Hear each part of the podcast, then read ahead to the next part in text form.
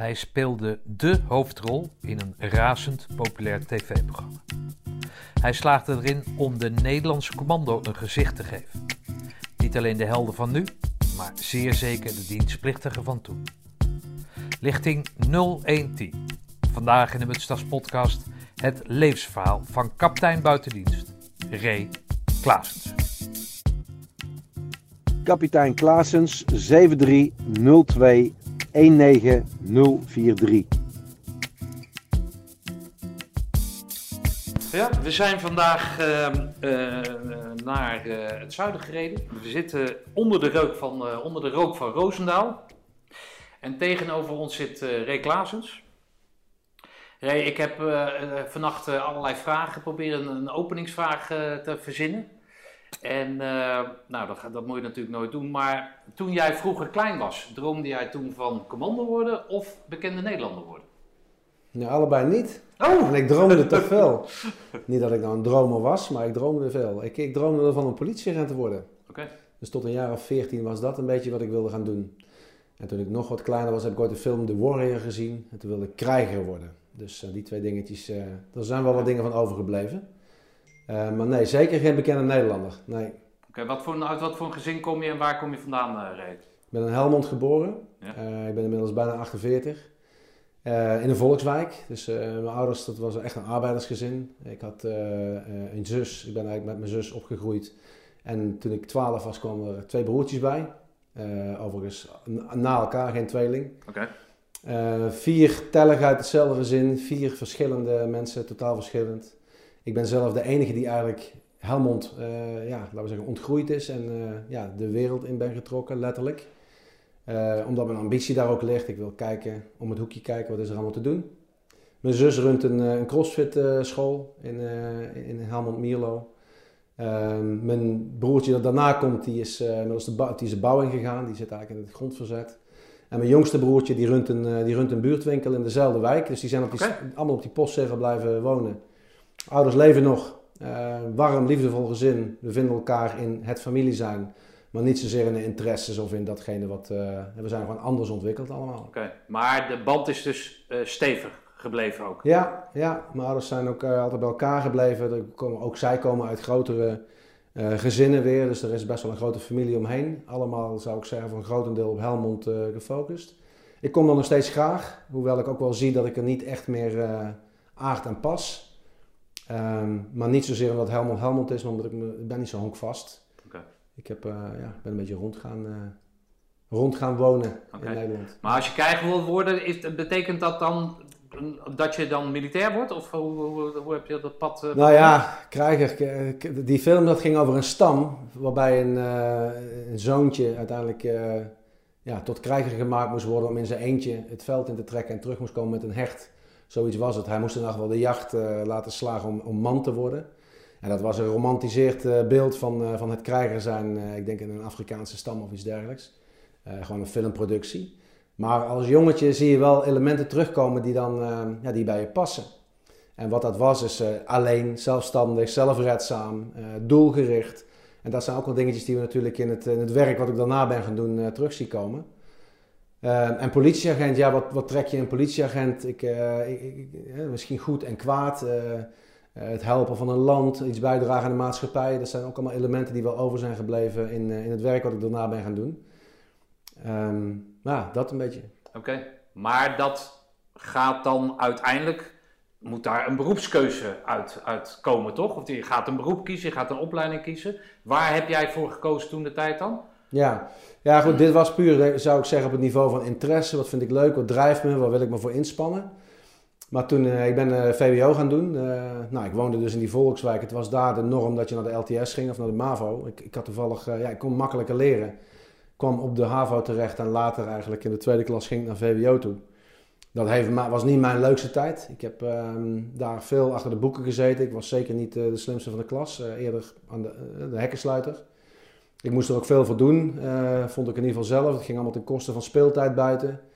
Uh, vriendjes uh, veranderden. Ik kwam in een, in, op een school terecht waar ander soort kinderen waren.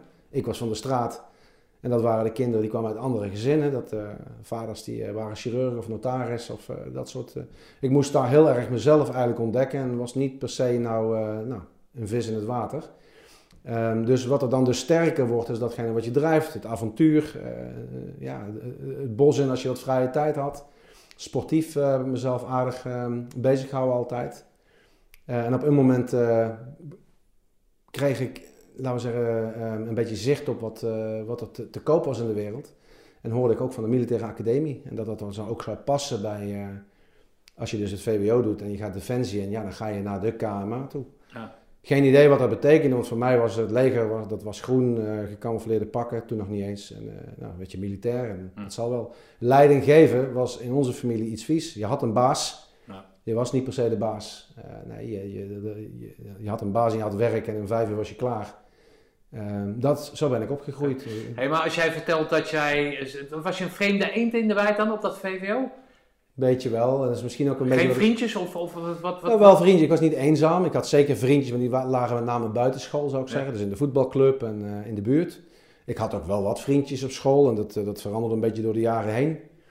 Uh, maar de meeste vriendjes daar, ja, die hadden gewoon wat andere interesses. Hè. Ik zat op voetbal, zij zaten op hockey. Uh, nou, wat ik net Zij hadden niet zeg maar dat dialect wat jij hebt? Inderdaad, dat was ook een dus duidelijk verschil. Ik heb dat af moeten leren. Okay. Ja, met mes en vork leren oh, Het was nog erger dan dat je nu praat. Ik vind het nu eigenlijk heel erg meevallen.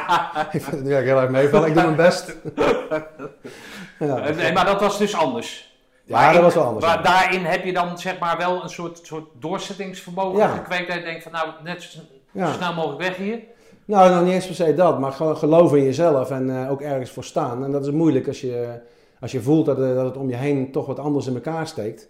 Uh, hoe blijf je dan dicht bij jezelf? En is, ben je dat wel zelf? Hè? Dat, die, die waarde die je vanuit huis meekrijgt of die, die dynamiek in zo'n in zo'n wijk, is dat wat je dan bent? Nou, dat is ook gebleken, dat is het niet. Ja. Maar ik heb wel de mooie dingen ervan overgehouden. Ik vind het bijvoorbeeld nog steeds, ik ben dan officier geworden na de KMA.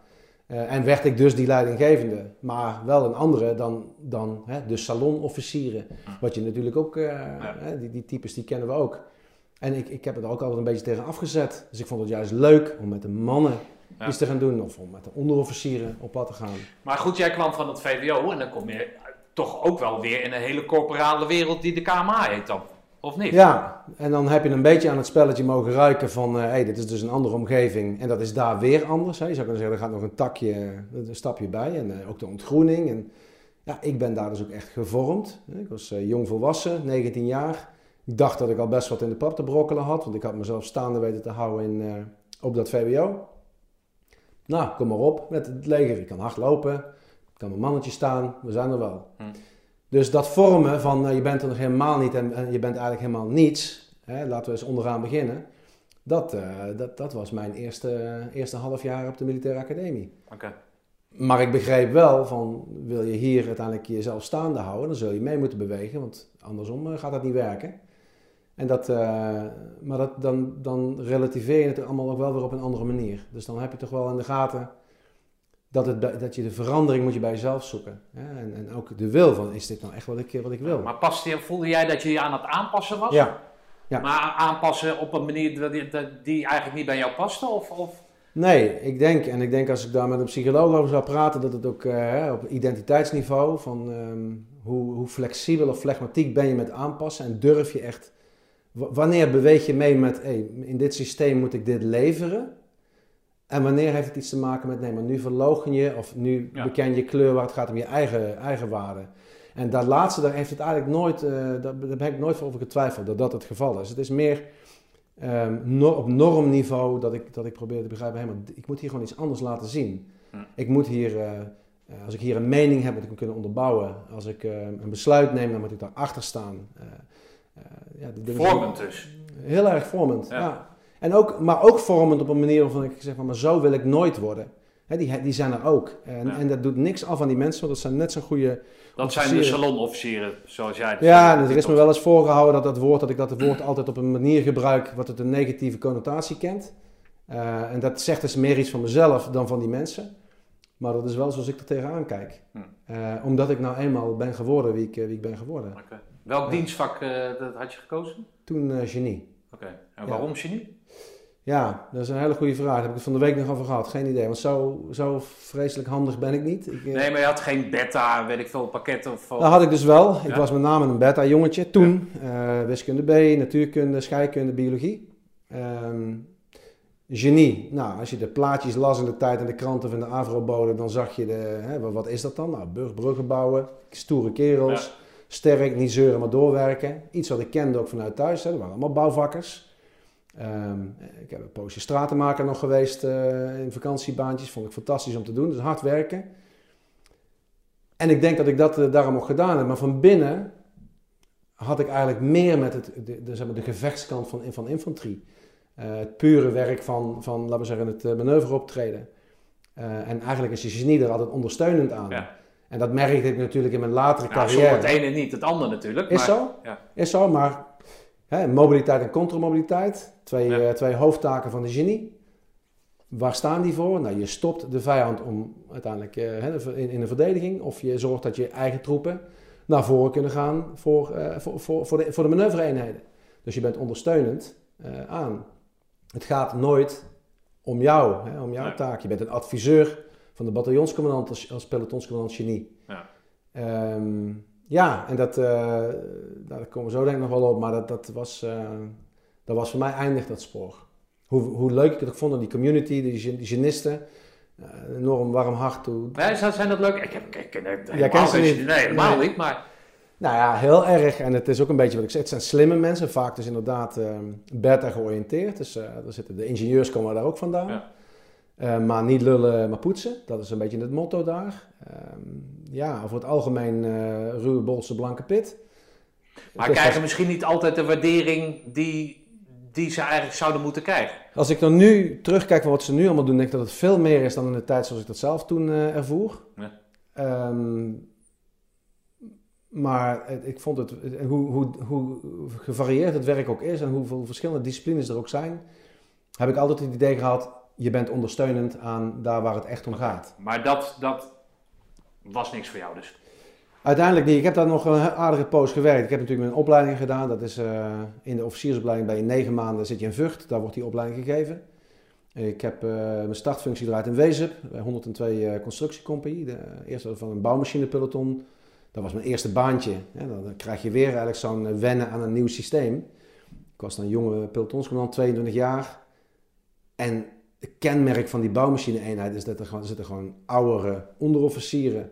Die zijn geen militair, die zijn bouwmachinist. Dat wapen, dat eh, flikker ik achter in die bouwmachine. Ik ben gewoon, uh, ik zit hier om uh, grond te verzetten.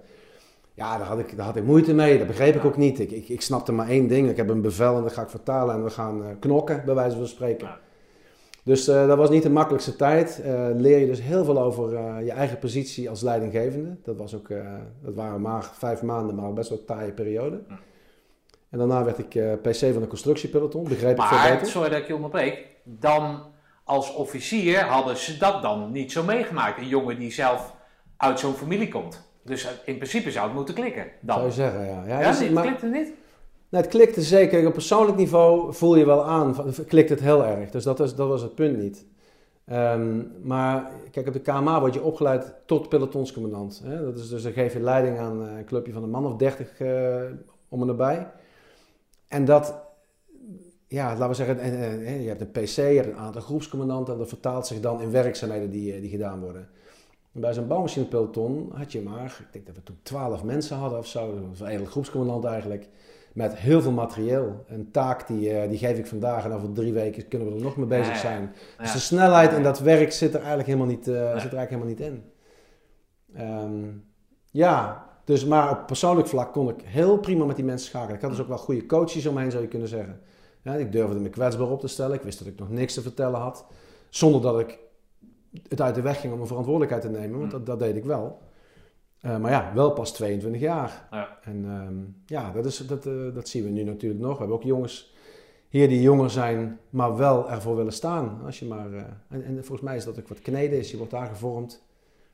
Dus ik, ja. ja. Maar dan ga je dus een overstap maken als jij daar bent uitgekeken of voelt dat het niks voor jou is. Of... Ja, nou goed, dat was pas de eerste stap in mijn geniecarrière. Ik heb, daarna heb ik nog uh, van de constructiepeloton geweest. Daar ben ik ook mee naar, naar Bosnië gegaan. Daar hebben we gewoon constructiewerk mee verricht. Wat doe je dan? Wat, wat, wat is ja, we hebben, daar, eh, we hebben daar bijvoorbeeld, eh, het Korps Commandotroepen kwam daar naartoe. Wij moesten de, de, de infrastructuur aanleggen voor ze. Dus de, waar slaap je, waar geef je les, waar doe je isolaties. eh, nou, dus ik kon dus van de buitenkant kijken naar iets waarvan ik dacht, zo, hé, dit zijn eh, de mannen. En daarna ging ik natuurlijk weer bezig met mijn eigen werk. En dat vond ik ook helemaal prima. Ik, kan, ik kon dat, eh, dat, dat goed plaatsen. Maar ik dacht wel van, nou, dit werk, dat lijkt me eigenlijk best interessant. Weet je, je gaat op een gegeven moment zelfstandig naar buiten voor een week of twee, drie in die tijd. En ze kwamen terug en je voelde die energie van, nou, er is wel gebeurd buiten. Wat, weet ik niet, maar ik had het graag willen proeven. Hm. Ik was toen nog helemaal op het moment van, eh, ik ga commando worden. Maar eh, het heeft altijd wel gelonkt, want ook in zo'n militaire academieperiode krijg je natuurlijk de gevechtscursus, hè, of panzerstorm. Ja. Ja, dan voel je wel aan van, eh, dat is ook een beetje natuurlijk wat, eh, wat jij zelf ook in je ACO hebt meegemaakt. Die sfeer, ja, dat spreek je aan of je zet je er tegen af. En mij sprak dat heel erg aan. Hard werken, super duidelijk, en niet goed opnieuw. Eh, ja, dat, eh, dat, dat, dat, en, en ik geloof daar nog steeds heel erg in. En niet dat het bij andere onderdelen van het leger niet zo is. Maar toch is dat, eh, zijn het allemaal afgeleide vormen. Ik heb dat, eh, en bij de genie vond ik dat ook. Hoe leuk ik die clubmensen ook, eh, ook vond. Maar goed, in Bosnië gezeten. Toen moest ik naar de universiteit toe, daarna. Eh, dat was een onderdeel van de KMA, dat was opgesplitst. Dat, eh, dat ging me allemaal hartstikke goed af. Ehm, dan zou je zeggen, dan blijf je daar ook, of dan ga je daarin verder, of je gaat daarin eh, in afstuderen of wat dan ook. Dat heb ik niet gedaan. Ik ben toen naar de luchtmobiele brigade gegaan. Hebben ze ook een geniekompie. Daar ben ik pelotonscommandant geweest. En toen had ik, dat was het moment dat ik het spelletje door had. Hè? Het spelletje van, hoe werkt het nou als PC? Hoe- waar haal je charisma uit? En wanneer krijg je nou iets voor elkaar door eh, simpelweg eh, ja, iets te vinden of erachter te staan? Hoe motiveer je mensen? Waar komt inspiratie bij, bij een eenheid vandaan? Waarom is jouw peloton nou, werkt dat lekkerder dan het peloton van, eh, van je collega? En dat, ja, daar moet je dus ook iets ouder voor zijn. Ik was toen 6, 27. En toen dacht ik van ja, dit is wel mijn baantje. Ik blijf hier voor mijn leven. Dat dacht ik toen. Niet zozeer bij de genie, maar wel binnen Defensie. Ik vind dit mooi. Mm. Dit ligt me. En dus kan ik ook zeggen, als we dan terugkijken naar mijn jeugd, dat ik mezelf wel in die tijd wel gevonden had. Hè? Die identiteit van eh, ja, je hebt dat, dat volkse of dat down to earth of meewerken met de mannen, dat zit erin. Ik begrijp ook wat het betekent om die waarde van, van leidinggevende en eh, nou, om dat gewoon echt, om dat ook echt te etaleren en daar iets mee te doen. Dat snapte ik ook en ik was ook nog steeds mezelf. Hm. Ja, dat is, dat, dat is wel belangrijk inderdaad. Ja, en, Ik heb, en dat is een zoektocht geweest en die heeft even geduurd en dat is soms onwennig. Eh, ja, en, en- maar ja, ik, ben, ik kijk daar wel heel eh, positief op terug. Goed, luchtmobiel, maar dan, dan heb jij dus ook een rode beret gehaald dan? Ja? Ja, en, ehm, nou, wanneer is dat geweest? In 98, 99 denk ik. De VACOL moet je dan doen, hè. Dus, eh, eh, ik weet niet eens wat het precies voor staat. Ik had er nooit van gehoord. Maar... Maar goed, dat is de opleiding voor kaderleden Ja. waarin de... Vol, nou, ik zou niet weten, volgezette algemene kaderopleiding luchtmobiel, zoiets zal het zijn. Ehm, hele leuke tijd, leuke eenheid, weet je, mensen die gewoon iets willen. Ja, je hebt natuurlijk ook mensen die gewoon een baan hebben als militair. Daar zitten gewoon mensen die willen er echt iets van maken. Ehm, ja, ik vond het leuk, die opleiding vond ik leuk, maar ik had gewoon pech met het operationele ritme van die geniekompie. Er was geen uitzending, ja, we gingen mee met die brigades. Ik was dan de, de adviseur, zoals ik net al zei, van de bataljonscommandant. Dus dat hele bataljonsplanningsproces, dat draait op volle toeren. Oh ja, we hebben er ook nog die genist bij, die, eh, die moet zijn eh, plasje eroverheen doen. Jongen, ik was daar echt klaar mee. Ik zei, jongen, dit kan toch niet waar zijn dat ik hier... Ik, ik zit vol energie. Ga ik hier nou echt een BC, een overste vertellen wat ik vind van het, van het optreden wat hij gaat doen? Omdat hij nog extra mijnen moet leggen of een hindernis moet doorbreken. Nee, ik, ik, eh, ik dacht van dit is eindig, dit stopt een keer. En ik ben toen op een, eh, met mijn eh, CC die tijd naar zo'n CPX heet dat, een computergestuurde oefening eigenlijk in Duitsland gegaan. En daar was ook het KCT bezig. Dus wij hadden een soort oefening achter computers. En er was buiten waren een aantal ploegen van het KST die zaten te velden en die deden echt werk. Dus dat hadden ze mooi Ah, ja, geïntegreerd. En dat was eh, toen de tijd Otto van Wiggen, hè, de, de korpscommandant uit die tijd, toen nog overste. Die was daar ook. En eh, ja, toen kwam het allemaal wel dichtbij. Want ik had en de kans om eens met hem te praten van, hey, wat is dat werk nou? Mijn CC was erbij, die me ook goed begreep en die me ook echt eh, hoog had staan, durf ik wel te zeggen. En toen dacht ik van, ja, ik, ik ben wel gek, joh. Ik moet gewoon een request schrijven. En, eh, maar ja, schrijven als genist. Was een, daar hadden ze tekorten. De infanterie hadden ze overtolligheid. Ja, kansloos, dat gaat zo'n P-organisatie nooit doen. Noem ik uit, noem kan. Ik ga het toch doen. Niet halen betekende voor mij toen echt een probleem. Dan had ik dus bij de genie weggegaan. Eh, ik had dus... Maar ging je daar dan met de grote bek weg? Of wat, wat, wat- Nee, nee, nee, maar- nee, nee ik- zo zit ik ook niet in elkaar. Nee, maar dat je dan niet terug zou kunnen. Je, je kan dat toch ook wat, wat empathisch aanpakken. Jongens, dit is wellicht een kans voor mij. Ja, Misschien is het dat zou kunnen, maar- Ja, dat, dat, had ik, dat zou ik misschien nu wel doen. Ja. Ik ben wat verder. Dat heb ik toen niet gedaan. Ik heb toen echt wel, je zou kunnen En je hebt het afgebroken. Je hebt het echt zo van, nou, weg en dit is het. En als Ja. ik daar niet red, dan zien we het dan, wel dan weer. zien Maar we dan het heb ik een wel. probleem. Precies. En dan hebben ze nog steeds de korte, maar Ja. wat we dus zien is dat je eigenlijk stoot je gewoon tegen heilige huisjes aan. Zo'n zo'n P-organisatie, die hebt dan een monitor, heette dat. Die monitor die was verantwoordelijk voor eh, nou, het- bestand aan genieofficieren. En die moest mij eh, ja, behouden eigenlijk. En ik eh, ging eromheen, want ik, ik wil niet behouden worden, ik wil weg. Ja, we hebben je nodig. En daar hebben ze je niet nodig. Dus dat was een soort van een, eh, tegen de magneet inwerken. Eh, maar toch gedaan. En eh nou, request geschreven, dat is uiteindelijk dus goedgekeurd. Ja, en dan moest ik dus, ja, kreeg ik een Nulicedo padje met een, met een bruine beret. Dat had, dat had niet... Nulo-tje? Wat is dat? Nu, nu- Nulicedo heet het volgens mij. Waar het nou precies voor staat, weet ik niet. Maar dat is zo'n algemene infanterie oh, oké. Ja, ja, Ja, dus ik was niet ingedeeld bij de grenadiers, ik zat niet bij de, bij de prinses Irene. Nee, ik was eh, een algemeen, eh, dat, dat was een behoorlijke confrontatie. Want daar sta je dus nu. Hè? Ja. Je laat een mooie carrière achter je. Je gaat iets beginnen met een redelijke, ja, je zou kunnen zeggen, stressbestendigheidsopleiding voor de boeg. Ja. De ECO. Eh, maar ja, ik dacht, ja, weet je, de dood is de gladiolen. Ik ga dat gewoon doen. En ik wil dit en ik, ik denk dat ik het kan. Ik zat fysiek prima in elkaar. Ik ken het werkveld natuurlijk niet, dus dat moet allemaal nog maar blijken. Eh, maar ik had me er redelijk in verdiend en, verdiept. En in die tijd had je natuurlijk al commandotroepencompagnie, dus dat eh Spec Ops, hè, de VCO, was al Ja. echt al een hele poos eh, bestond dat al. Ja, en ik heb toen eh, meegedraaid eerst als eh, instructeur, dus gewoon als infanterie-instructeur op de AMO van mijn eigen ECO-klas. Ja. Dus naast het ECO-kader, wat natuurlijk best wel bijzonder is, want je wordt een beetje apart bekeken natuurlijk. Ik had toen een rode beret, dat is ook een beetje, dat vloekte een beetje in de kerk daar. Ik was een genist, dat zat er toen ook nog op mijn, eh, op mijn beret. En ik moest gewoon de les eh, gasmasker eh, geven. Of, Maar in de, nog steeds in de rang van officier. ja, Ja, ja, oké, nou, dus dat- gebleven. Dus ik was eerste luitenant Ja, in die tijd. Ook lang gebleven, bewust. Want ik wilde ploegcommandant, pelotonscommandant. Ik wilde gewoon het werkveld meemaken. Hm. Ja, zo. En dan is het 2001 in mei begonnen met de AMO. In die tijd, in juni, werd mijn zoon geboren. En in september eh, begon de vooropleiding. En eh, ja, daar begon het avontuur eh, van het Korps Commandotroepen voor mij.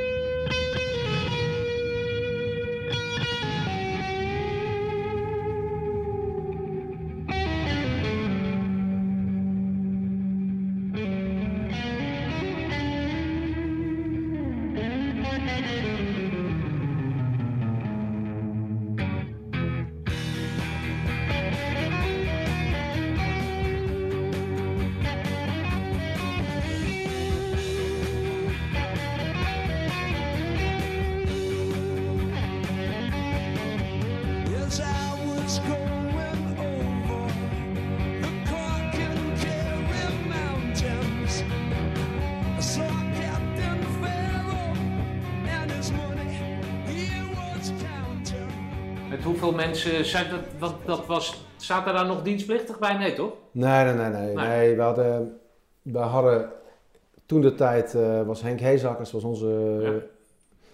Commandant van de ECO. ECO. Die had het overgenomen van eh, Ed Oskam. Ja.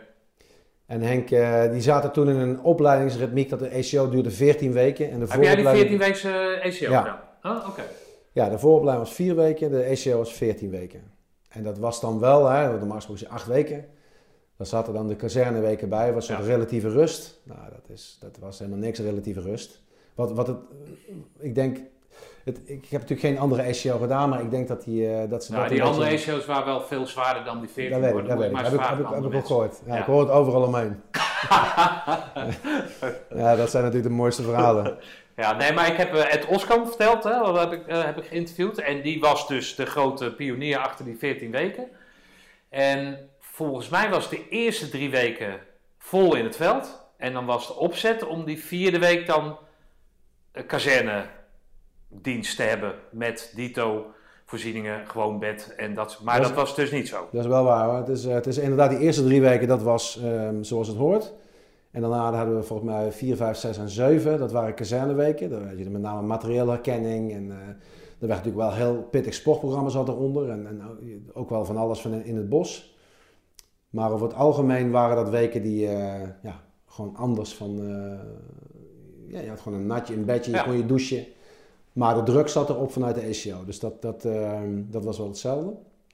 En daarna kregen we dan eh mijn hoofd eh, ja, twee keer tactische, tactische weken. Dus er werd heel veel patrouillebasis en eh putoefeningen. Eh, nou, de verbindingsopleiding zat bijvoorbeeld ook in die vier weken en in de vooropleiding. Ja, dat is wat ik ervan eh, van herinner. Een super, eh, super mooie tijd. Ja, oké. Maar sta jij nog steeds achter die 14? eh, Sta je achter die opzet? Of, of, of... Nou ja, kijk, ik begrijp, ik begrijp ook niet waar die keuze vandaan komt om het zo te doen. Hè. Voor mij was het gewoon een gegeven. De ACO duurt 14 weken. Ik heb hem gedaan. Ik heb in die 14 weken gigantisch veel geleerd. Eh, ehm, dus ook echt tactisch veel geleerd. Dus, dus dat vond ik het goede van die oefening. Dat waren gewoon lange SR-weken, Special Reconnaissance weken. Gewoon weet je, goede infiltraties. Alle contingencies die kwamen voorbij. De putoefeningen die waren navenant. eh de verbindings... Alles rondom verbindingsprobleempjes zat erin. eh INI werd goed getraind. Dus ik vond het echt heel volledig. En ook in de jus van de ACO, waar ik erg in geloof, Hm. in dat stadium. Als je nu vraagt van, is dit zoals je modern, een moderne commandopleiding in moet richten, dan, dan, eh, dan vind ik dat niet. Ik denk dat het anders kan. Volgens mij wil je selecteren. Dat betekent dus dat je heel veel van je vakinhoudelijke zaken die je aan gaat geven, of aan wil leren, dat je die eruit haalt en dat je ook echt gaat selecteren. En dan kom je toch meer op een, eh, ja, op een kortere opleiding. En wat dat dan moet zijn, nou, er zijn geluiden van ja, je kunt in drie weken kun je ook selecteren. Nou, ik vind uitzichtloosheid, hè, want je hebt hem waarschijnlijk acht weken gedaan. Ja, dan is elke keer dat je die zondagavond op het stationnetje staat, is er weer eentje. Als je dat maar twee keer hoeft te doen of drie keer, dat is toch echt anders. Want dan hou je Ja, wat ik begreep van, van, eh, van Ed, maar ook van anderen, was dat die, dat die, die uitzichtloosheid, dat dat gewoon maakte dat er niet meer mensen binnenkwamen. Hè, dat was de opzet. Hè? Ja. Er zit zoveel druk op, er zit zo... Laat, spreid dat nou uit, ga dat nou doseren, ook qua Ja. belasting. Ja. Ga met eten aan de gang, ga met rust aan de gang. En dan gaan we die kerels gewoon goed opleiden. Het moet natuurlijk wel een bepaalde afval zijn, of die zal ontstaan. Maar dan maak je er betere commando's voor en dan maak je er ook meer, leid je erop. Ja, ja, ja, kijk, en dat is, eh, als je daar zo op die manier naar kijkt, en ik hou me daar ook vanuit mijn huidige werk best wel mee bezig, dat als je daar op bedrijfskundig kijkt naar wat er nu in Roosendaal eh, aan de hand is, hè, dat de uitstroom groter is dan de instroom, wetende dat je gewoon meer dan, nou, richting de 200 tekorten hebt, Ja. dan ga je dat de komende 20 jaar niet dichtlopen. Sterker nog, als het negatief is, loop je het nooit dicht. Eh, wat moet je daar dan aan doen? En ik vind dat die discussie, die mag eigenlijk wel minstens op gelijke voet staan als eh, kwaliteit boven kwantiteit. Want dat is natuurlijk altijd het dogma. Ja. We gaan nooit tornen aan onze norm. En dat is, eh, ik zou daar zelf moeite mee hebben, want ergens Moeite je mee hebben dat.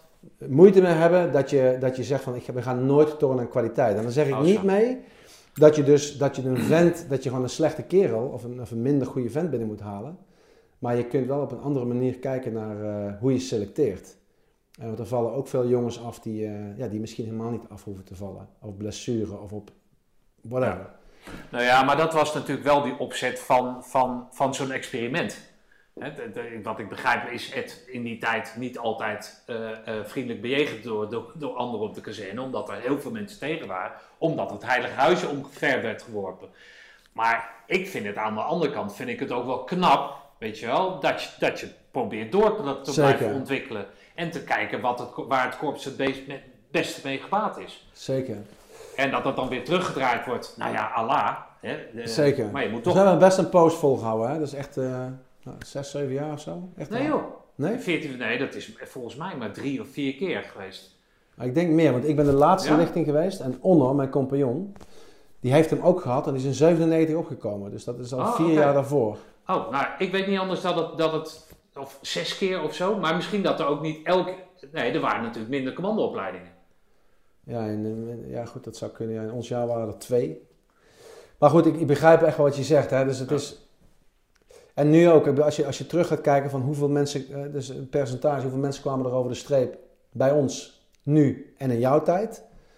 Die verhoudingen die liggen altijd een beetje rondom dezelfde getallen. En er is al een heleboel gedaan met die, eh, met die opleidingen. Hoe komt dat nou? Is dit nou gewoon iets wat we moeten accepteren? Dan zou ik zeggen, eh, draai maar meer commandoopleiding, want anders raak je nooit gevuld. Of stel je taakstelling bij. Ja. Dus eh, want als je het niet gevuld krijgt, waarom zou je dan die staven allemaal in, in stand houden? Dat is natuurlijk allemaal makkelijk hè, van de zijlijn. Ik weet ook welke dynamiek daar speelt. Maar toch, dit, dit is iets wat, eh, wat niet goed opgaat. Je kunt niet een ongevuld korps en eh, de taakstelling pretenderen allemaal maar uit te kunnen voeren. Hey, maar terugkomend op die, eh, op die 14 weken, wat, wat, voor een, wat voor een type mensen liepen om jou heen? In die Ja. ACO? We hadden een typische ACO, denk ik. We hadden veel kaderleden. Er zijn ook ACO's zonder kaderleden. Dan heb je het als corporaal, heb je een hele andere ACO, denk ik. Ja. Nou, Gijs Tuinman is uit mijn ACO. Ja. Er zitten nu nog, eh, nog, een, nog een officier, en inmiddels een major of overste en een eh sergeant-major of adjudant. Die zitten er nog steeds, dus die zijn gebleven. En eh, alle niet-kaderleden die militair waren zijn uitgevallen. Dat is ook heel frappant. Normaal gesproken zijn dat de jongens die het wel vaak redden. En zes spijkerbroeken die er zeg maar gewoon zo op zijn gekomen, die hebben het gered. Dus zes van de veel, maar die hebben het toch gered. En we hadden vier mariniers in onze lichting. Allemaal eh, klein van stuk. Ook eh, niet typisch mariniers, maar dit waren echt allemaal jongens die, eh, die gewoon echt een dikke kop kleiner waren dan ik zelf. Gouden gasten hebben ook met ons de VCO mee mogen doen. Dat was ook toen, toen uniek. Dus de vrije valopleiding, de OPT-training, de medic of de CLS-klasse. Ja, en ik, ik, ik kijk er echt wel met super goed gevoel op terug. Ehm hechtclubje. Wat we nou trouwens niet terugzien, want wij zijn dus geen clubje van het, eh, van, van het hoe noem je dat, het, het, het reunietjes links en rechts. Hm. Wat je om je heen veel vaker ziet. Maar de verhalen die waren intens, altijd intens. Eh, we kijken allemaal terug met, eh, iedereen werd ook gemogen. We hadden niet diegene die er dan eh, links of rechts buiten lag of zo, dat, dat speelde niet. Met zoveel kwamen jullie op en hoeveel, met zoveel kwamen jullie binnen? Ja, opkomen aan, maar volgens mij zijn we de vooropleiding begonnen met een, ik vind het lastig, maar echt denk in de 60 of zo. Ik denk dat we in de 40 eh, aan de ECO begonnen zijn en misschien in de 30. Maar we zijn met 14 man binnengekomen. Oké. Ja, vier mariniers en 10. eh, En jij als bestman. ja, dat Dan is, moet iemand bestman worden. dat is ook zo. Ja, toch? Dat is zo. Dat doe je verder. ja, je doet het. Ik was, eh, ja, je weet Nee, hoe het gaat. Jij komt daar als officier op, jij komt daar op als, eh als genist. Jij Ja. komt met een bepaalde achtergrond. Nou alles wat je vertelt. Dan, dan moet daar, eh, afgezien van het feit dat je het wil halen, moet daar een eindeloze motivatie uit, eh, uitgehaald zijn door jou. Ja, Heeft zich dat vertaald in dat batsmanschap? Wilde je Ja. overal, heb je, zo, heb, je, heb je de hele tijd achter jezelf aangezeten qua motivatie? nee. Oh. Nee, nee, ik denk, we, hebben, we zijn eh, een half uurtje onderweg. Ik heb u wat verteld over hoe mijn identiteit gevormd is. En dat zie je daar denk ik eh, naar buiten komen. Ehm, ik, ik, heb, eh, ja, ik hou dus van hard werken. Eh, het is pas goed als het goed is. Ik ben dus ook niet iemand die naar perfectie streeft. Hè. Ik bedoel, en niet zozeer omdat ik niet vind dat dingen perfect moeten. Dat vind ik ook. Maar als je, dingen als je van die 9 en 10 gaat maken, die energie die het kost om het laatste puntje erbij te vreten, die stop ik liever in de breedte. Van hé hey jongens, waar ligt hier nu het werk? En dat is denk ik het karakter wat ik ook heb laten zien. Dus qua energie en wat ik aan energie geleverd heb, dan zou je kunnen zeggen, meer kon niet. Dat was het. Dat zat erin. Eh, dat was er ook altijd. Dat is op dag, eh, wat in de AMO is dat al begonnen. Dat hebben ze, zo hebben ze me leren kennen. En zo ben ik ook bij de genie weggegaan. En ik heb dat gedaan tot het moment dat ik daar weg ben gegaan. En ook ik heb wel eens verzwakt. En die momenten waar ik daar die spiegel voorgehouden heb, daar kan ik bij wijze van spreken nu nog last van krijgen. Weet je, dat je die instructeur en zo krijgt, waarom heb je dit, waarom doe je dit? Met andere woorden, waarom snij je hier, eh, waarom loop je hier de weg van de minste weerstand? Ik, ik kan ze benoemen. Eh, twee, drie puntjes. Dus dat blijft mij zo bij, dat is zo tegen de aard eigenlijk. En toch verlies je het dan van, van jezelf eigenlijk op dat moment. Dus dat geeft denk ik wel aan wat de inborst is en, eh, hoe ik met die dingen om wil gaan. Nu nog steeds overigens. Hm. Ehm, wat dus ook meteen een valkuil is. Hè? Want het, eh, soms moet je energie ook aan andere dingen besteden dan wat jij belangrijk vindt. Nee, maar jij wil dus zeggen dat, jou, dat je gewoon deed wat je moest doen en wat je altijd deed. En dat Ja. dat jouw bestman heeft gemaakt. Ja, maar ja, Dus het was niet van ik wil bestman worden of ik ga nou, totaal niet. Want ik best wist doen. van het bestaan van het best man niet eens af. Het Ja. gebeurde. Ik, ik, wist, eh, ik wist er niet vanaf. Eh, de Gijs Tuinman die zat bij jou in de lichting. Nou, moet Ja. wachten. Gijs, ja, was toen, eh, die was net van de KMA. Dus, eh, Oké. lachen, gieren, brullen. Laat die maar. Nou, die moest het allemaal nog uitvinden. Ja, dat is wel, ja. En dat, is, eh, dat was wel leuk om te zien. Dus dan zie je eigenlijk, zelf ben je natuurlijk dan zeg maar één generatie verder. En dan zie je zo'n jonge jongen die dus eigenlijk meteen in die dynamiek ondergedompeld wordt eh, als jonge luitenant. Nou, ik vind het echt super knap wat hij daar gedaan heeft. Ja. Maar met alle fouten die hij dan ook gemaakt heeft, dan is hij wel echt sterk uitgekomen. Maar wat jij zei over die, ehm, over die ehm, eh, dat er geen, nou dat waren sowieso geen dienstplichtigen, maar dat er zes spijkerbroeken waren en alle beroeps die als soldaat opkwamen, om het zo maar te zeggen, dus zonder eh, onderofficiersrang of officiersrang, die vielen af. Wat wil dat zeggen over, over, die, over die jongens dan? Dat dat niet goed geselecteerd was? Ik, ik, ik vind dat moeilijk. Ik, eh, ik, ik vond het alleen echt zo. eh, het was precies tegen de retoriek in. Hè? Wat, wat gebeurt er altijd? De militair die binnenkomt, nou, dan vallen lui af, maar 25% van die gasten haalt het. 1 op de 4 haalt het van, van militairen. De corporaal van luchtmobiel, 1 op de 4 haalt het. En van spijkerbroeken haalt bijna niemand het. Dat was het verhaal. Ik denk dat wij eh nou, 20 eh, spijkerbroeken hadden, 6 hebben het gehaald. Dus dat is dat, die verhouding. En van de militairen, dat is dus de rest, heeft niemand het gehaald. Hm. En hoe kan dat? Ja, ik, ik, ik weet niet hoe het kan. Terwijl jullie eigenlijk als, als kader, zeg Ja. maar, het, het harde werden aangepakt. Ja, dat, dat, ja, ik heb dat ook altijd wel een beetje eh, een ander gevoel bij gehad. Ik vond het niet eens zozeer harder. Ik, ik vind wel, ik, in dat werkveld kregen wij taken mee die pasten bij, eh, bij kaderlid zijn. En eh, mij heeft het altijd heel erg gesterkt. Hè. Ik vond het veel pittiger in een gevechtscursus om Puppets 3 achterin te lopen. Dan dat je gewoon degene was die eh, de planning moest doen en moest zorgen dat het allemaal klopte. Ja. Dat, ja, natuurlijk slaap je minder en je eet het laatste en je spullen zijn altijd kut voor elkaar, want ja, je bent met andere dingen bezig. Maar dat heeft mij altijd super scherp gehouden. En dat is ook denk ik een, ja, dat is denk ik erkend of onderkend ook door, door ehm, de mensen met wie we zaten. Want het was een soort 360 beoordeling van wie wordt hier best man. Dat kwam uit de jongens en het kwam vanuit het kader. En echt niet omdat ik dan maar bezig was. En dat had ook zomaar Maarten Boon, ik weet niet of je hem toevallig kent, maar die had het zo kunnen zijn, want we waren echt nou, en twee handen op één buik, eh, maar ook vanuit hetzelfde hout gesneden. Ehm, En wie had jij gekozen? Maarten. Ah nee, dat is niet waar. Chris Aubert, die zit hier binnen trouwens. Chris Aubert, nee. Ja, omdat ik vond, ik, die, eh, nou goed, dat had met andere dingen te maken, maar die had ik gewoon echt gezien. Hè, weet je, op een gegeven moment heb je een ploeg optreden. En dat, eh, in die, die ACO van Ed Oskam hadden we, ik denk een week of zes, dat je met een ploegje op pad bent. Ja. Ik heb hem van, van dichtbij gezien en wat dat manneke leverde en bracht en die onuitputtelijke energie. Ja, gouden vent, die moet dat gewoon worden. Dat was, en ik had Maarten, kende ik als collega. Oké. Maar ik zat ook helemaal niet op die noemer van beste Hey, maar wat heeft Maarten, of heeft hij dat nooit bekendgemaakt, wie die, eh, op wie hij gestemd heeft? Nee, dat, dat heb ik ook nooit gevraagd. Ik vind het sowieso ook een hele gênante vraag, weet je wel? Ja, nee, natuurlijk. Nee, natuurlijk. maar ja. het, is een, het, was een, het was een moment, ik, ik, ik viel bijna, ik denk van, dat kan toch niet waar zijn? Ja, je wordt op een gegeven moment gewoon omgeroepen, weet je. Ka- Ja. Luitenant Klaassen naar voren. Voor uitreiken van de Sturgis Cup. en, dat- en dat stukje, die 10 meter die je dan loopt, dan denk je van, dat, is- nou, dat is gewoon trots natuurlijk. Want het, eh, Ja. Maar ook zo van onwerkelijk en ook het doet er niet toe. Maar een stiekem doet het er heel veel toe. Want het zegt namelijk iets over mijn eigen pad naar hè, wat ik belangrijk vind. En eh, dat wordt dus gezien door mensen. En dat er dan Nou ja, mensen- dat je gezien wordt, dat is Dat, natuurlijk ja. het belangrijkste. Zonder dat, dat je daar je best... wel. Ja, en je, en je kan daar natuurlijk eh, in je latere leven, kan je daar, hoef, je daar dus, hoef je dat dus niet meer af te vragen. Want jij weet van jezelf dat je keihard werkt, dat je daar dus, dat dat opvalt, omdat je daar een keer voor beloond bent. Ja, toch? En als je, die, als je dat maar vasthoudt, dan weet je dat het goed zit. Klopt. Heb je je eigen kompas, heb je gewoon altijd op zak. Ja, Toch of niet? Dat dat, dat, dat, dat klopt. Dat is, dat is precies wat je zegt. eh.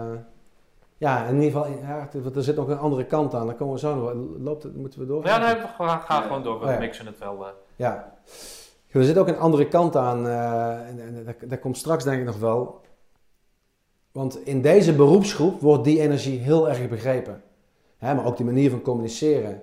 Of eh, van feedback ontvangen. Of, en, dat, eh, en dat is ook iets waar, waar ik heel erg in geloofde. Dat wilde ik ook zijn. Ik, ik bedoel, ik, dat kon ik mezelf zijn.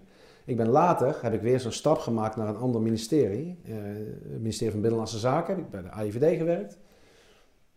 Ja, een totaal andere organisatie. Ehm, en weet je, alleen maar professionals om je heen. Dus ik heb niks tegen de organisatie of tegen de mensen. Maar ik kwam mezelf weer tegen.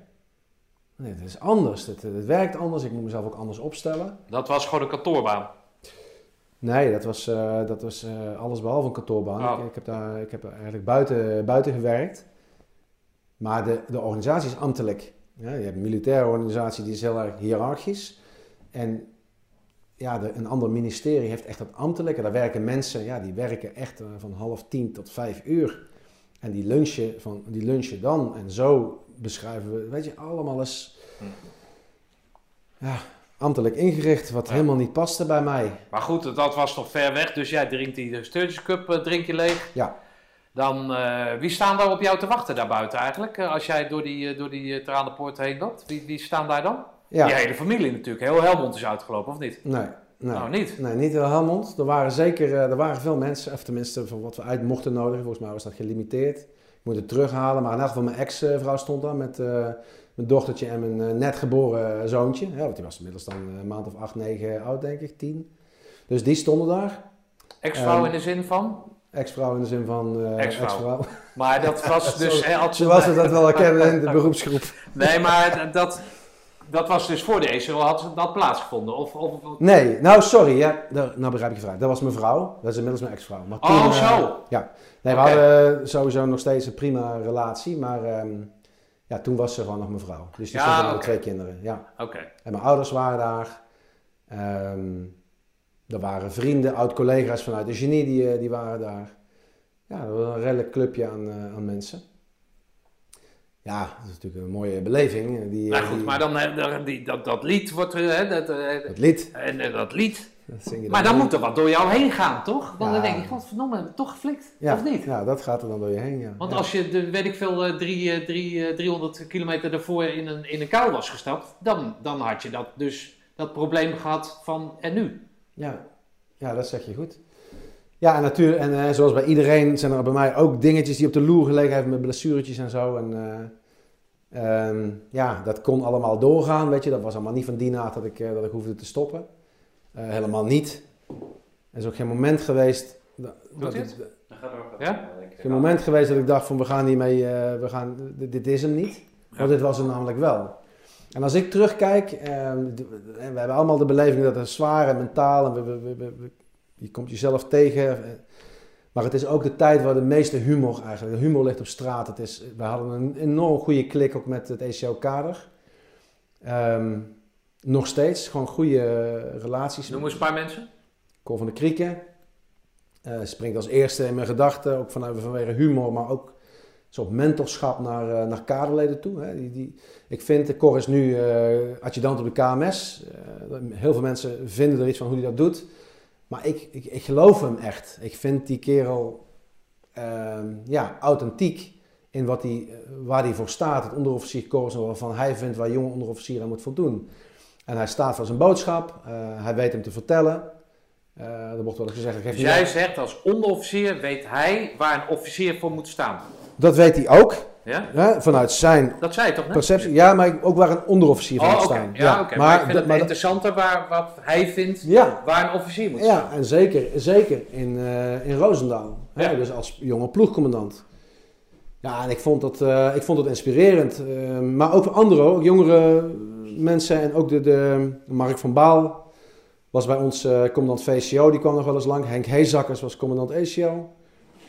Ja, wat heb ik nou van die mensen allemaal geleerd als je het ziet? Ik heb van die mensen geleerd de rauwheid eigenlijk van eh, commando zijn.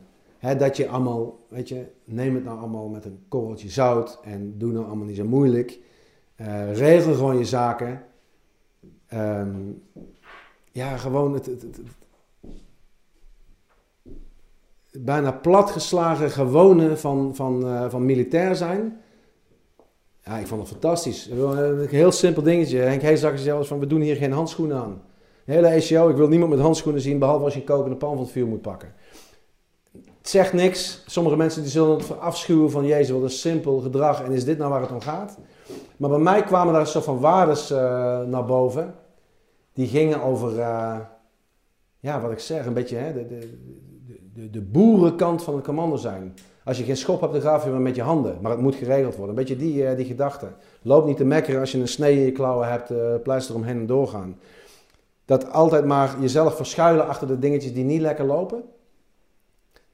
Dat dat een, de norm is om dingen eh, zeg maar, aan te pakken, ja, dat heb ik dan wel van die kerels geleerd. Zo zat ik ook in elkaar. Dat zag ik ook terug toen ik stratenmaker was. Ja. Ja, dat vind ik, ik, ik geloof daarin. En ik vind ook, en dat is, dat is meteen de andere kant, daar zit ook een vele professionelere hoek aan commando zijn. Hè? Met name, dat is nu wat, eh, wat die spec eh, jongens doen. Dat heeft hier niks mee te maken. Maar ergens zijn we dat ook een beetje aan het verliezen. Dat hele eh, down-to-earth mentaliteitskwestie van met elkaar door de stront, in de zijkende regen, onder de grond. Het is allemaal vies nu, want we moeten natuurlijk allemaal bijzondere dingen doen. Vind ik ook, is heel belangrijk. Maar daar komt inborst vandaan. En ja, kijk, en ik doe er zeker sommige mee tekort, maar ik weet ook dat sommige dat stukje verloren zijn. Verloren zijn? Want ja, je hebt het over inborst. Wat zijn ze dan precies verloren? Is het nu te high-tech, zeg jij, dat dat... Wat, wat, wat Ja, kijk, verloren zijn, dan zet ik hem heel scherp aan. Maar kijk, toen ik, toen ik daar kwam, wa- was ehm, in 93 zijn ze begonnen met 108. Commandotroepen, Ja. speciale operaties. Daar zijn ze allemaal gaan uitvinden van wat moeten we eigenlijk allemaal kennen en kunnen. Een enorme ontdekkingstocht. Die jongens die hebben echt huwelijken versleten doordat ze gewoon eh, dingen moesten gaan leren. Ja. Ik kom in 2001, dus we konden echt op de, op de schouders staan van deze gasten en voor, doorontwikkelen. Ik durf te zeggen dat eh, de, de contra-terreuropleiding van die tijd, die heeft daar echt een slag gemaakt naar datgene wat er in Oeruzgan uiteindelijk eh, is, is gebeurd. En die, die, die hele manier van, ehm, van opgaan met dat, omgaan met dat soort DA-operaties, die heeft daar een professionaliseringsslag gemaakt. In die tijd waren altijd het grapje gemaakt, of je lag in de, in de ploeg buiten, de SR-ploeg, dus je was aan het waarnemen, dus je had die lange invul gehad, echt het oude werk. Of je zat in het aanvalselement en dan had je een snickertje bij je en je had een, eh een dekstrootje bij je. Een le- lekker licht rugzakje, nog eventjes een beetje sporten, een beetje bijknappen. Oh, er moet een instapje gedaan worden, wij gaan die instap wel doen. Ja. Ik heb daar altijd, dat heb ik altijd een beetje een soort belediging gevonden, want ik was heel erg van, van CT. Ik ben later ook commandant ehm CT is? Contraterreur. Oh, oké. Ja. Ja, dus eh, ik, later ben ik eh, commandant geworden van die, ehm, van die instructiewing, zeg maar. Dat heet eh, SNSTT, schieten, speciale technieken en tactieken. Daar werden CT-opleidingen, al- afkortingen, fantastisch. En ze gooien ze ook iedere keer weer om. Want ik ben het nu ook al kwijt. ja, geweldig. Ja.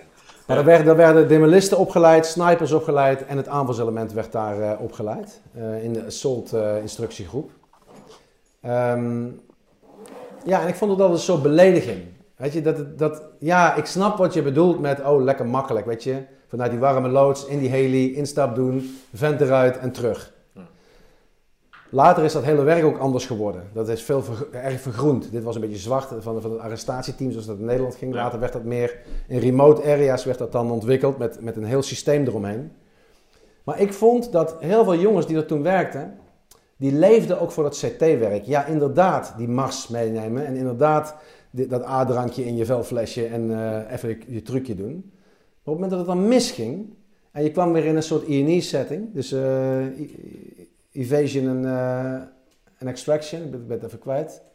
E&E. Nou, Zeg maar in Nederlands, want... E- nou, ontsnappen en ja, ontsnappen ja, en ontwijken. Ja, oké. Volgens mij is dat. Escape and evasion, sorry. Ja. Dan werden die jongens eigenlijk kwamen in een schril contrast te staan met die SR-ploegen. En toen, en nu is dat anders, hè, maar toen was dat nog een beetje zeg maar, wat de oude 104 deed. Dus het waarnemen, verkennen. En die lagen met oogjes op het doel. En dan zag je dat contrast tussen zo'n aanvalselement en die jongens die buiten lagen. Het aanvalselement waren vaak wat oudere, langer in de compie. Die hadden hun streep al bewezen. En die SR-ploegen waren vaak, die jongens, die kwamen net uit de ACO, VCO. Super gedisciplineerde gasten, hadden het eigenlijk veel beter voor elkaar dan die oudere gasten. En natuurlijk eh, doe ik hier mensen mee tekort. En natuurlijk is dit een beetje een stereotypering, maar het was er wel. Ja. En wat ik dan mooi vond, is dat je van die oude gasten, had je ook lui die zeggen, nee, ik ga in dat SR-element zitten. Want ik wil dat SR-element voor die jonge gasten wil ik naar een hoger niveau brengen. Eigenlijk ook wat je bij de Amerikaanse SF ziet. Die instap, die wordt gedaan door jonge lui. En de ervaren gasten, die liggen in het sniper-element eromheen. het zo, ja? Oké, geen Ja, idee. Bijvoorbeeld bij, bij, Delta of bij TNSF, of van- van dit soort Amerikaanse clubjes zie je dat. En dat is gewoon. En waarom is dat nou? Omdat als je dus als sniper buiten rondom zo'n object ligt, moet je heel erg goed begrijpen wat er binnen gebeurt. Dus als je op een gegeven moment een sector moet verleggen, of je moet daadwerkelijk inderdaad vuur uitbrengen, moet je wel donders goed weten hoe zo'n as door zo'n gebouw beweegt. En dat weet je alleen als je daarin gewerkt en Ja, gezeten ja. hebt. Terwijl als je daar eenmaal in zit, dan heb je alleen maar te coördineren met buiten. En dat doet ook nog eens een keer de commandant.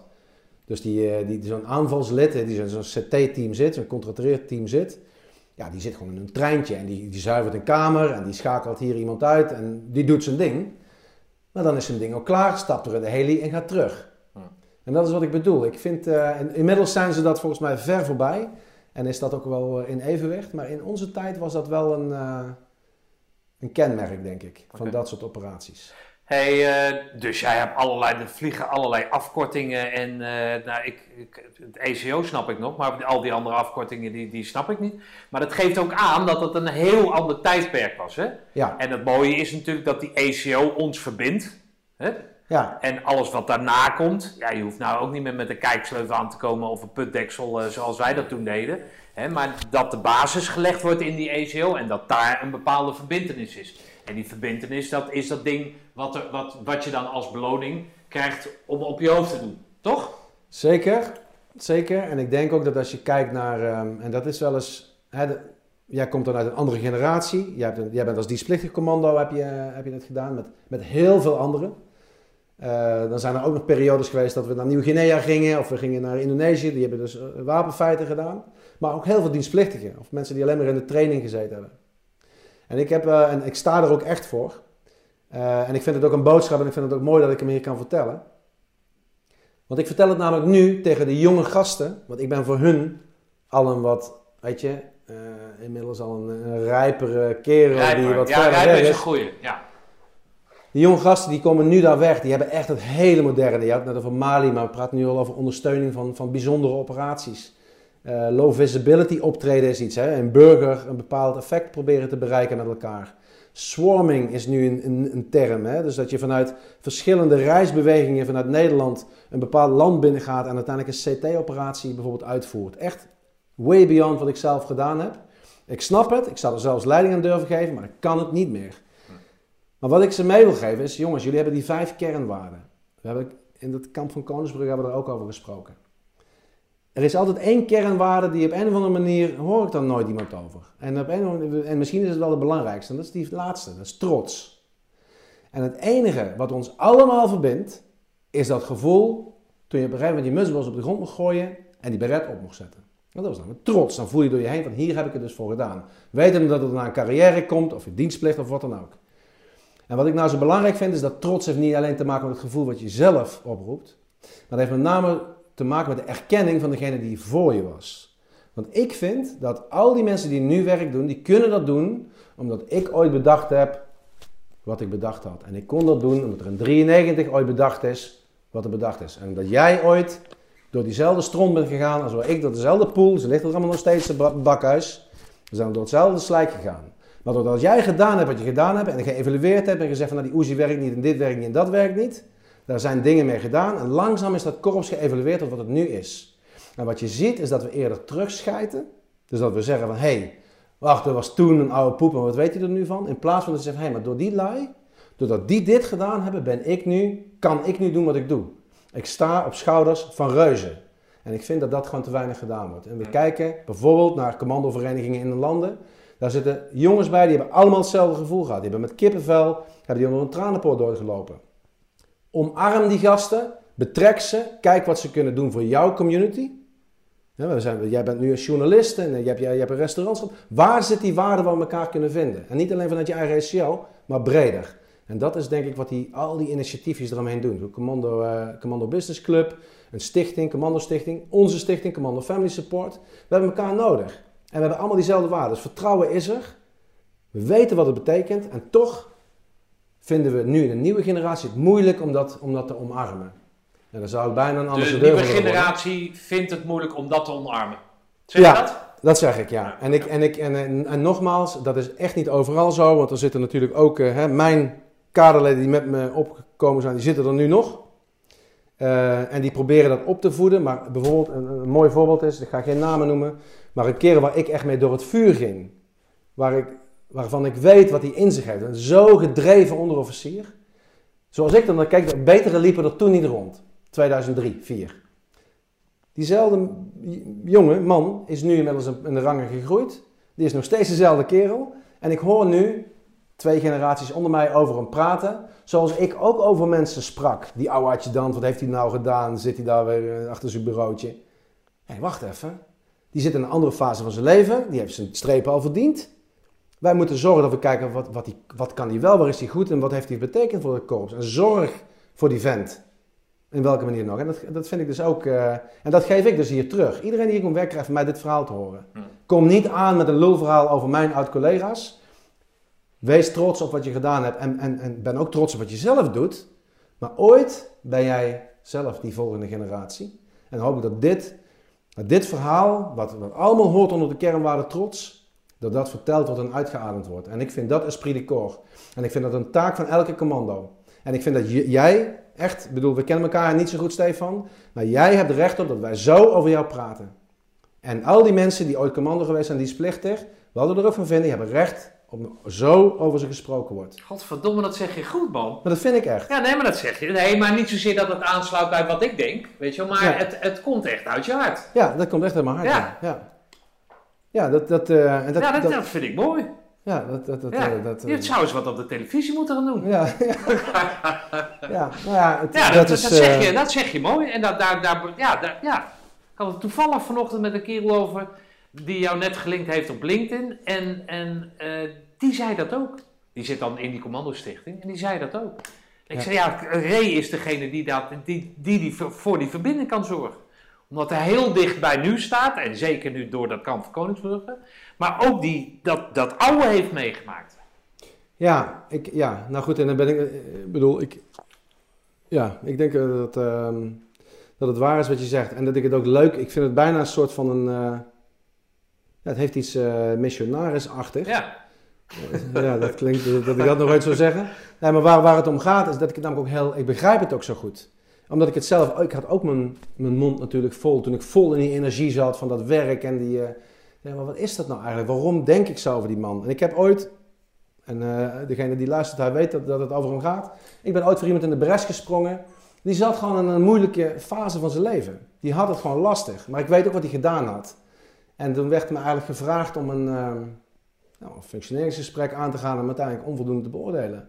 Ja, ik ben helemaal van de, van de ratten besnuffeld, Jan. We hebben volgens mij een stelsel ingericht om die kerel te helpen. Dan gaan we toch niet in een beoordelingssfeer zetten? Nee, we gaan zorgen hoe we ervoor kunnen zijn. Dat hij zo snel mogelijk weer in het zadel zit. En daar, dan profiteren we met elkaar. Hij en zijn gezin en wij uiteindelijk van die beste man. Want anders duik je in een negatieve spiraal in en dan kom je niet meer uit. En daarmee zeg ik niet dat je nooit iemand eh, een functioneringsgesprek moet beoordelen. Hè? Je kunt toch gewoon dingen verkeerd doen. Maar ja, dat, ehm, ja, dat vind ik ja. oké.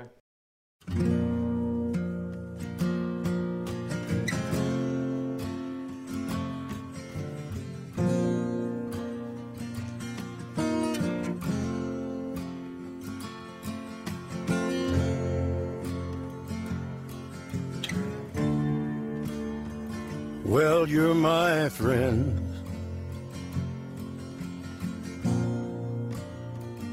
And can you see?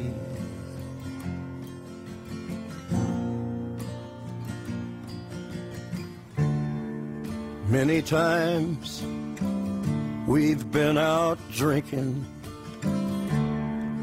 Many times we shared our thoughts.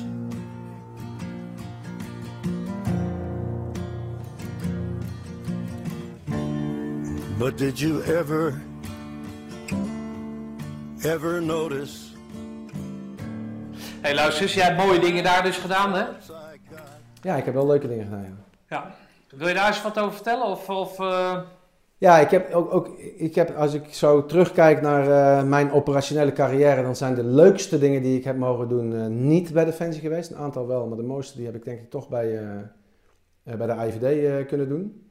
Eh, ook allemaal erg operationeel getint, maar een aantal... eh, Maar dan was jij gedetacheerd vanuit de korps bij de AIVD? of nee, ik heb, gewoon, dan? ik heb ontslag genomen Oh, en ik heb... eh, maar, maar vertel eens daar eens wat over dan. Waarom heb jij ontslag genomen uit iets wat eigenlijk voor jou gemaakt was, kennelijk? Ja, dus ehm, nou, waar, waar, eh, waar begint dat? Ik denk dat het begint eh, in het privéleven. Dus ik ben in 2007 gescheiden. nieuwe relatie eh, eh, aangegaan, eigenlijk vrij snel daarna. En eh, daar zijn toen ook... Had, was dat of vanwege het werk? Of wat, wat was dat? Nou ja, het heeft niet geholpen. Hè? Dus als je zo vaak weg bent. Maar uiteindelijk, eh, ik denk als mijn ex en ik daar nu naar kijken, dan heeft het ook gewoon te maken met onze karakters en ambitie en hoe we in elkaar zitten. Want we hadden het eigenlijk prima samen, maar er zat ook geen eh, energie en het was gewoon een beetje op. Hm. En ik ben uiteindelijk verliefd geworden op een andere vrouw. Die ik overigens tien jaar daarvoor al vanuit Defensie kende, vanuit een terugkeergesprek. Ja, zo ging dat dan. Dan kwam ik uit Bosnië terug en dan kreeg je een debriefing en dat was met die dame. En ik, ben daar, ik was daar toen al een beetje eh, vluchterig, of verliefd op zou je kunnen zeggen. En eh, dat, eh, dat, dat kwam terug in, eh, in 2006, 2007. Waarin zij uiteindelijk in een oefening van het KCT, eh, die ik zelf opgezet had, een soort rollenspel eh, speelde met, eh, met, met haar afdeling. Zij werkte toen bij DCBMW. Dat is een, ehm, de bedrijfsmaatschappelijk werkersorganisatie van Defensie. En eh, ja, daar is de vonk uiteindelijk overgeslagen en wij zijn een relatie aangegaan. En dat ging eigenlijk over van de ene en de andere relatie. Ehm en uiteindelijk, eh de, ze had twee kinderen en de man van haar kinderen is eh, uiteindelijk overleden. En er gebeurde bij ons eigenlijk toen zoveel dat ik... ehm, en Kees Vollaert, kolonel Vollaert, was toen de commandant KCT. En de ronde voor uh, ging eruit, dus dan moest je dat kenbaar maken. En ik, ja, ik wilde dat graag, want ik was eraan toe. Eh, maar ja, toen eh, gebeurde dit. Ik denk, ja, maar ik ga toch niet nu degene zijn die met een knip in zijn oor die functie ingaat. En dat ik Ja. op een gegeven moment, eh, weet je, kleur moet bekennen van, ja, dit, dit past gewoon niet privé. En, en dat is dus ook meteen mijn zwakte. Ik, ik, als ik mijn energie niet kwijt kan, dan voel ik ook meteen een soort van, dan wiebel ik en dan wankelt het. En dan, eh, dan denk ik, ja, ik kan dat niet. Ik kan het niet, voor de, ik kan het niet een beetje kompiescommandant zijn. Ik moet er zijn voor die man en ik wil het ook gewoon vol energie en, en, en wie ik ben, wil ik dat kunnen doen. En ik merkte gewoon dat ik dat dat vloog me naar mijn keel. Dus ik ben op een gegeven moment gewoon mijn stoute schoenen aangetrokken en eh, op zijn deur geklopt en zeg maar, haal me maar van die lijst af. Want het gaat niet werken. En, eh, nou goed, alle begrip gekregen. Zegt hij, nou dan gaan we, dan word je commandant van de staf, van de schoolcompie. Dus eh OTCSO, nog een nieuwe, zo heette dat. De opleidings- en trainingscompie speciale operaties. Dus dat heel erg leuk. Dan zou ik eigenlijk mijn eigen baas worden, dus een stapje hoger daar. Denk, ja jongens, nee. Als je hier major wordt, dan word je hier major om CC te zijn van een van die commandotroepiecompieën. En daarna is er van alles. Maar dat, eh, ja, toen heb ik dus eigenlijk, zou ik kunnen zeggen, voor het eerst echt voor thuis gekozen. Ehm, Schets eens hoe niet voor thuis kiezen eruit ziet qua tijd. ja, qua tijd, maar misschien qua aandacht. Qua, qua tijd, mijn ex zei altijd van, als je, er, als je er bent, dan ben je er ook echt. Dat was, Dat was voor, haar voor voorwaarde. de scheiding. Nee, dat, dat was mijn houding. Oh, ook. Dus ik was veel weg, maar als ik thuis was, dan Dan was was ik er. Ik denk dat de kinderen er ook zo op terugkijken. Maar dat is langzaam wel verworven, verworden tot iets anders. Dat is denk ik eerder van, ja, weet je, ik ben dit nou, dit is mijn werk, dit is belangrijk en eigenlijk is dat 100%. En daarnaast is er ook een gezin en dat ga ik dan vanzelf wel, eh, dat, dat regelen we wel met elkaar. En met mijn ex betekent dat, dat regel jij wel. Ja, dat is natuurlijk geen, zo, dat is geen relatie. Dat is gewoon, dat, bij ons ging dat niet goed. Ik denk dat mijn kinderen dan niet meer tekort gedaan hebben, maar dat hoor ik dan wel eh, bij een hartvuur over 20 jaar, denk ik, hoe dat, eh, hoe dat eh, zit. Dan betaal je dan de tol. Ik weet zeker dat ze ook dingen meegekregen hebben. Ehm, en nog meekrijgen. Van, Van? van, van, wat, wat, wat het goede daarvan is geweest. Ja, oh zo. Ja. Maar zeker ook dingen die gewoon, ja, hè, dus heel veel verjaardagen of belangrijke momenten ziek zijn, dat je er gewoon niet Maar bent. van de hoeveel weken was je er niet? Nou, er zijn tijden geweest, dan heb ik het nog niet eens over uitzendingen, dat er gewoon eh, ja, 36, 40 weken per jaar er niet zijn. En dan ben je tussendoor wel natuurlijk regelmatig in een weekend thuis, ook regelmatig niet. Eh, maar die weken zijn er geweest. Maar ik was dus van het kaliber, eh, oké, we gaan op uitzending in juni, of was het in, in november. En oktober is er nog een springperiode in, in Arizona. Ja, die moet ik natuurlijk meepakken, want Ja, dat is natuurlijk belangrijk, dat snap je. Dat kan Ja. natuurlijk niet zonder... Als ik er nu over terugdenk, denk ik, ja, waanzin. Hoe, hoe kun je dat doen? Ik bedoel, dat voegt echt niets toe. Maar eh, dat is gewoon ook bang zijn om iets te willen missen. eh, ja, gewoon onderdeel uit willen maken van. En, eh, en thuis wel het argument vinden dat het heel belangrijk is. Want ja, hè. Maar in principe had zij daar dus vrede mee. daar had ze vrede mee. Ja, zij kon daar redelijk, of eigenlijk heel goed mee omgaan. Zij was een meisje uit Helmond, nee, of niet? nee, Of uit niet? Zwolle. Nee, ik heb eh, ook ooit een vriendinnetje in Helmond, maar ik ben uiteindelijk... eh, Ja, je hoeft je vriendinnen niet op te noemen. Nou, maar Ja, het gaat mij meer om dat ze dan opgevangen werd binnen dat Helmondse, wat jij net vertelde. Nee, zij woonde dan in Zwolle en was ook enig kind, dus die was vrij Ah, alleen daarin zou je kunnen zeggen. Ze had dan de kinderen. Mijn familie was ook niet zo naar haar toe dat dat allemaal... ehm, dat ze daar echt een groot vangnet aan had. Ook voor de afstand, maar ook... Ja, zo zit het bij ons niet in elkaar. Hm. Dus dat was ook wel een moeilijk ding voor, eh, voor haar.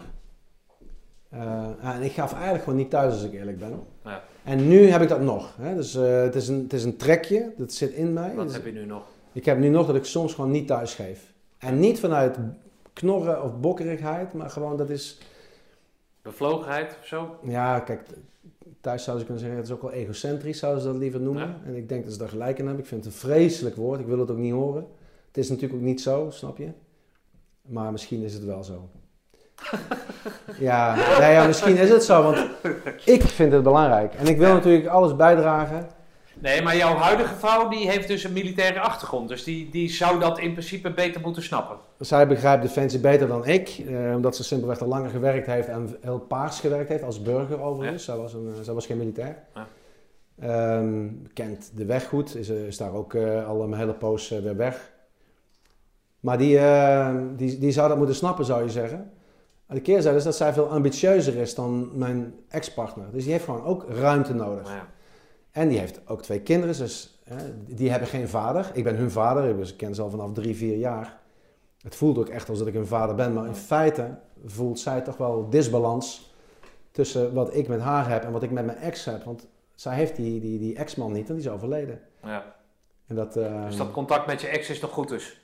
Ja, dat is, ik zou- het is gewoon sowieso, er is niks niet goed, maar het is niet warm. Het is- Nee, oké, maar dat gaat dan, het is opgebouwd door dat de kinderen, Ja. zeg maar. En, ja. En die zijn nu echt volwassen, dus het contact wordt daarmee minder. Hm.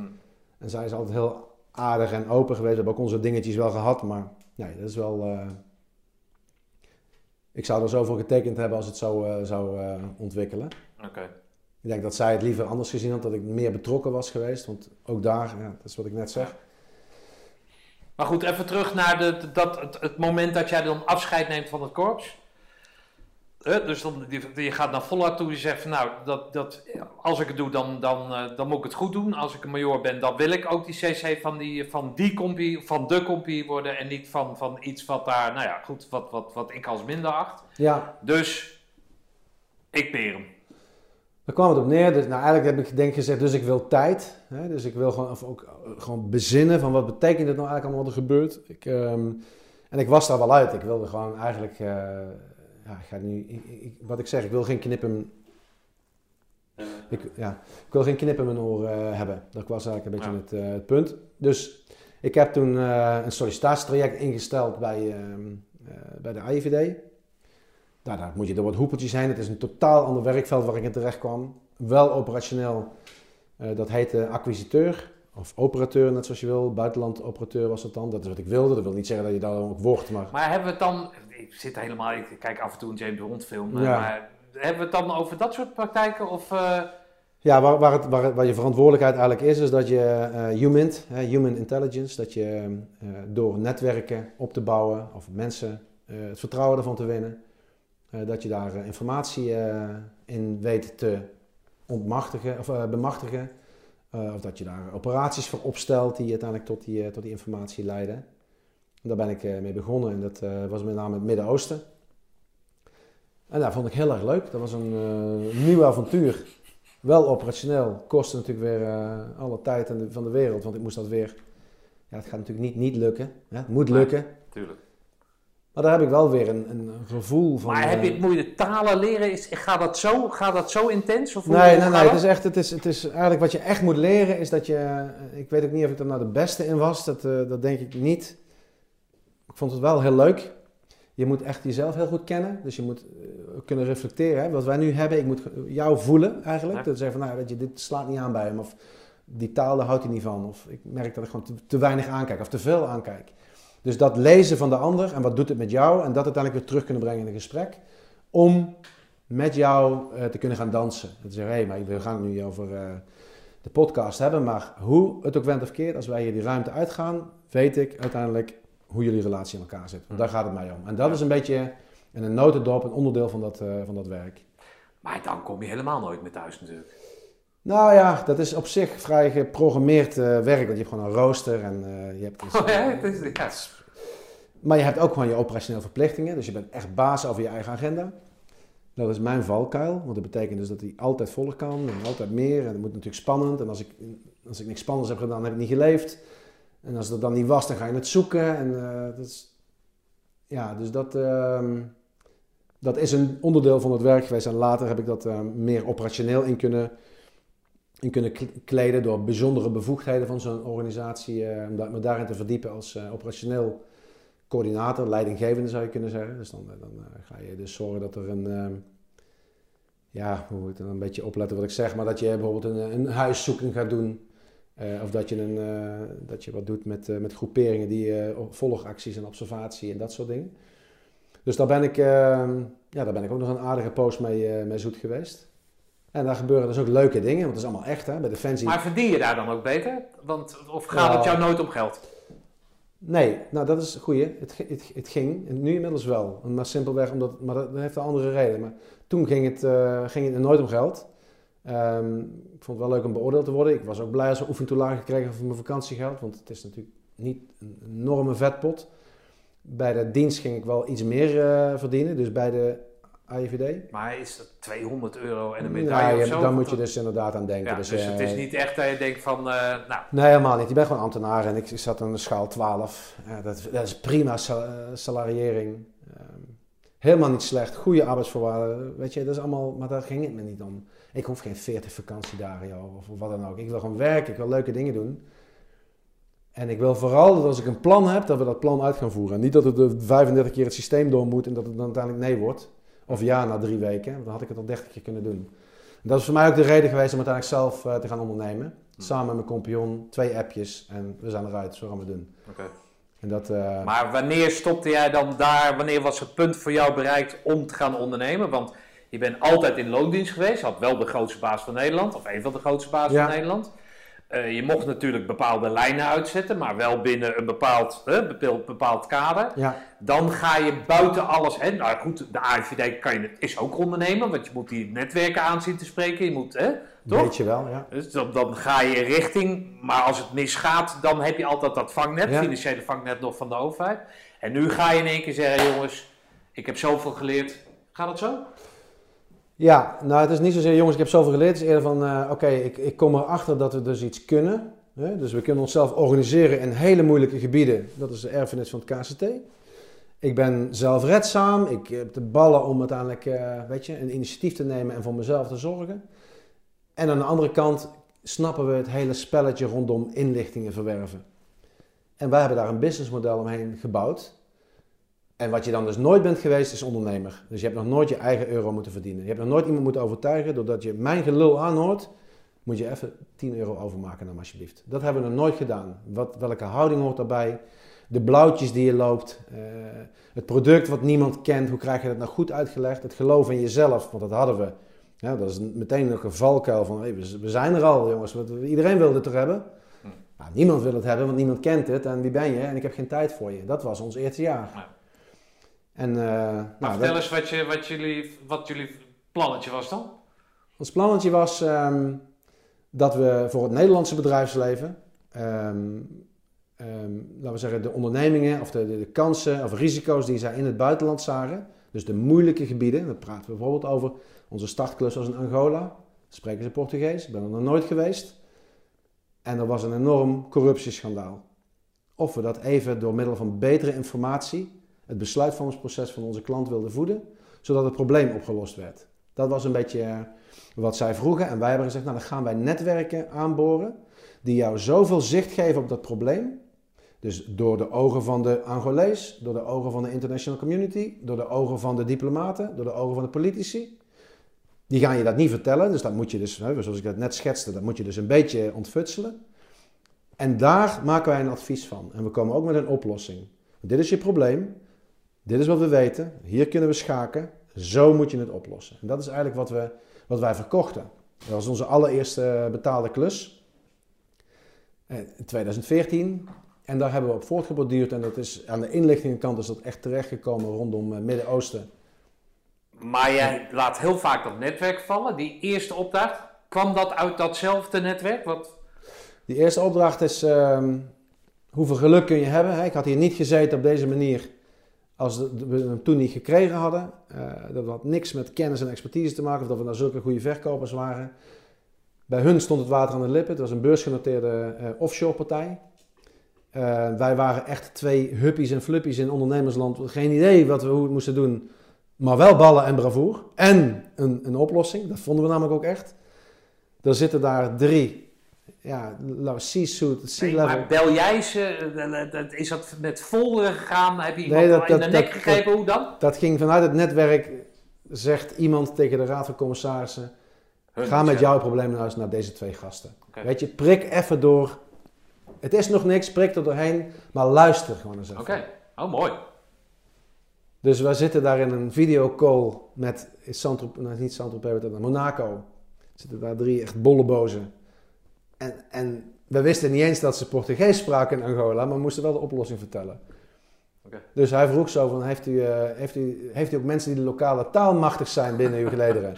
en toen zei een compagnon, die zei, ja, maar we hebben er genoeg die Spaans en Frans spreken. Zei, ja. Dus hij- ze kwamen niet meer bij. Zo, zij dachten dat we een grap maakten, nou, maar dat was geen grap. Maar ja, het is, het is goed gekomen. En het was ook voldoende omzet om even weet je, een stukje te kunnen varen. En vanuit daar hebben we het kunnen ontwikkelen. Oké. Maar het zijn jullie dan als CEO van die, eh, van die, van die net opgerichte business zelf daarheen gaan? Of heb je daar mensen bij gezocht? Nee, dat hebben we meteen gezegd van als we dit zelf gaan doen, gaan we nooit groeien. Dus we moeten dit eh, bemensen. Wij hebben het gestuurd vanuit Nederland. Ik ben nooit in, eh, nooit in Angola geweest. En we hebben daar uiteindelijk toen, ik denk een team van zeven mensen hebben dit gedaan. En waar komen die dan weer vandaan?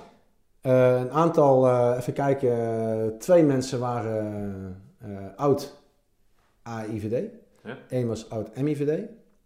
En we hadden ehm, eh, een journalist.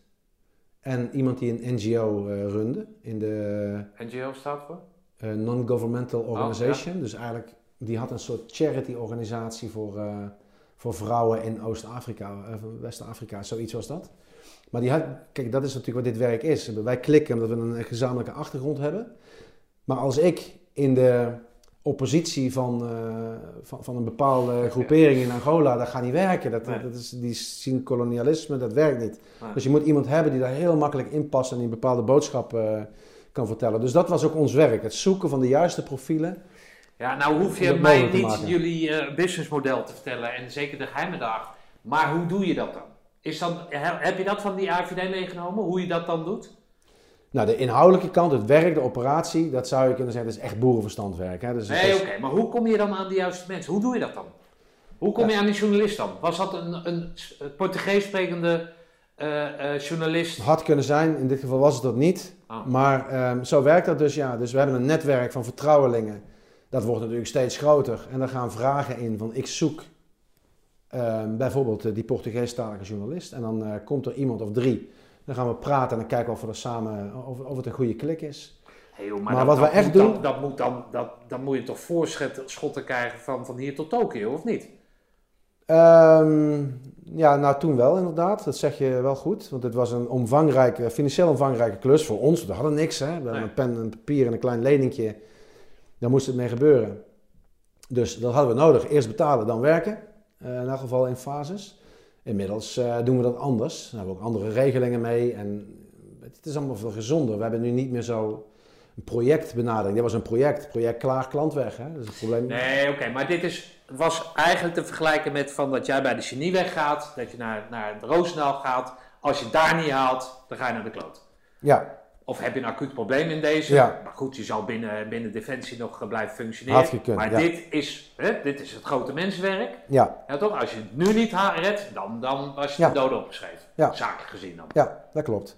Als wij die klus niet hadden gehad, nou sterker nog, die klus hebben we wel gehad.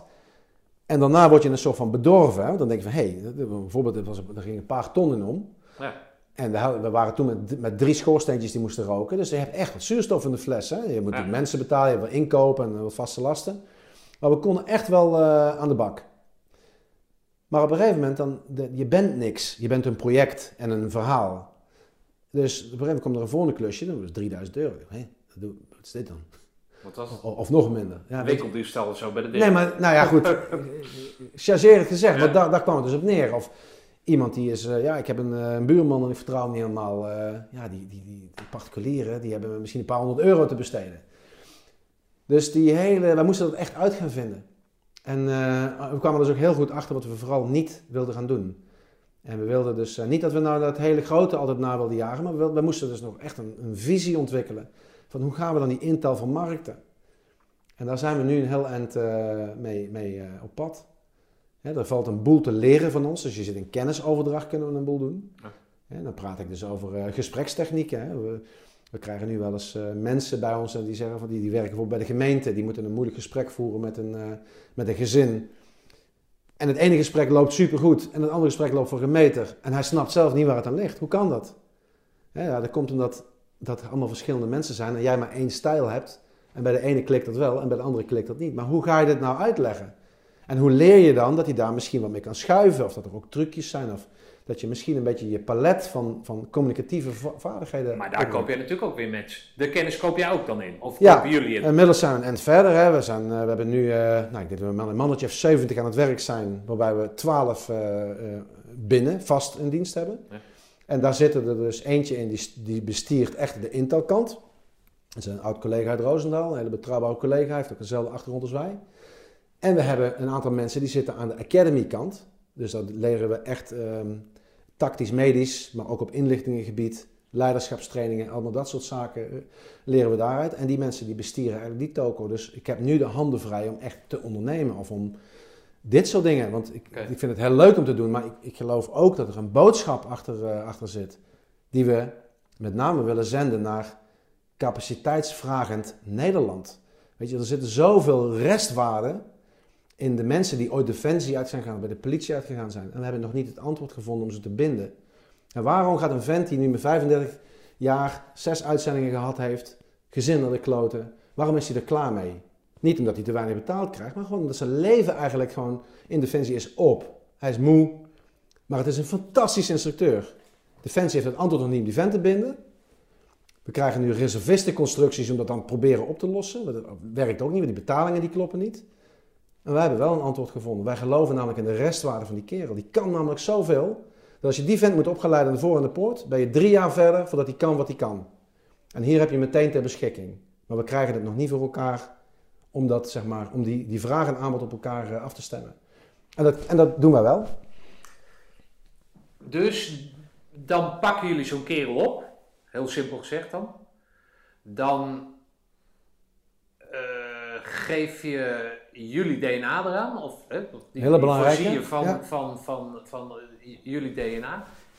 En dan verhuur je hem eigenlijk weer terug aan Defensie waar hij vandaan komt, of niet? Of, of, of werkt dat niet zo? Klein, dit is een voorbeeldje dat zo zou kunnen gaan. En met name wat jij zegt over dat DNA, dat is voor ons eigenlijk gewoon de heilige graal. Hè? Dus niet iedereen kan hier werken. Omdat als het niet klikt, of het past niet, of het werkt niet, dan gaan we het niet doen. We moeten het vertrouwen hebben in die inborst. En daar hoeft hij echt geen commando voor te zijn. Hè? Dat is ook vaak een misvatting, dat kan namelijk echt een willekeurige andere Nederlandse burger zijn. Maar we moeten hem one handshake away kennen. Dus hij moet vertrouwen zijn in het netwerk van ons, in die kerel. Als dat er is, dan gaan we het gesprek aan. En wat we dan bijvoorbeeld doen, ehm, bijvoorbeeld bij Defensie, is dat we gaan kijken van, oké, we hebben een, een verzoek van de Koninklijke Militaire School.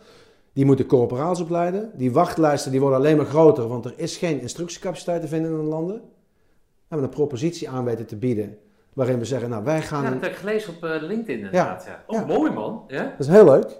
En dan hoe gaan jullie dan in je eigen... oh, sorry, nee, jij moet verhaal... Hebben, ja? maar goed, wat, wat, wat daar de, de- wat ik zo wonderlijk vind, is dat op het moment dat je dat als Defensie zelf gaat organiseren, dan moet je schrapen. Dus dan gaat zo'n KMS gaat schrapen bij de brigades van heb je van mij drie, vier, vijf sergeanten. Uiteindelijk zijn ze er. Maar dat is heel veel werk. Ze voelen zich allemaal een beetje genaaid. Ah, moet ik dan echt naar de KMS corporaals opleiden? Dat is echt een, een veelgehoord geluid. En je zit met discontinuïteit. Want als er eentje ziek wordt of krijgt corona of is weg, dan hebben ze weer een gat daar. Wat wij gezegd hebben, wij gaan een soort continuïteitsoplossing bieden. Je vraagt aan ons zes instructeurs.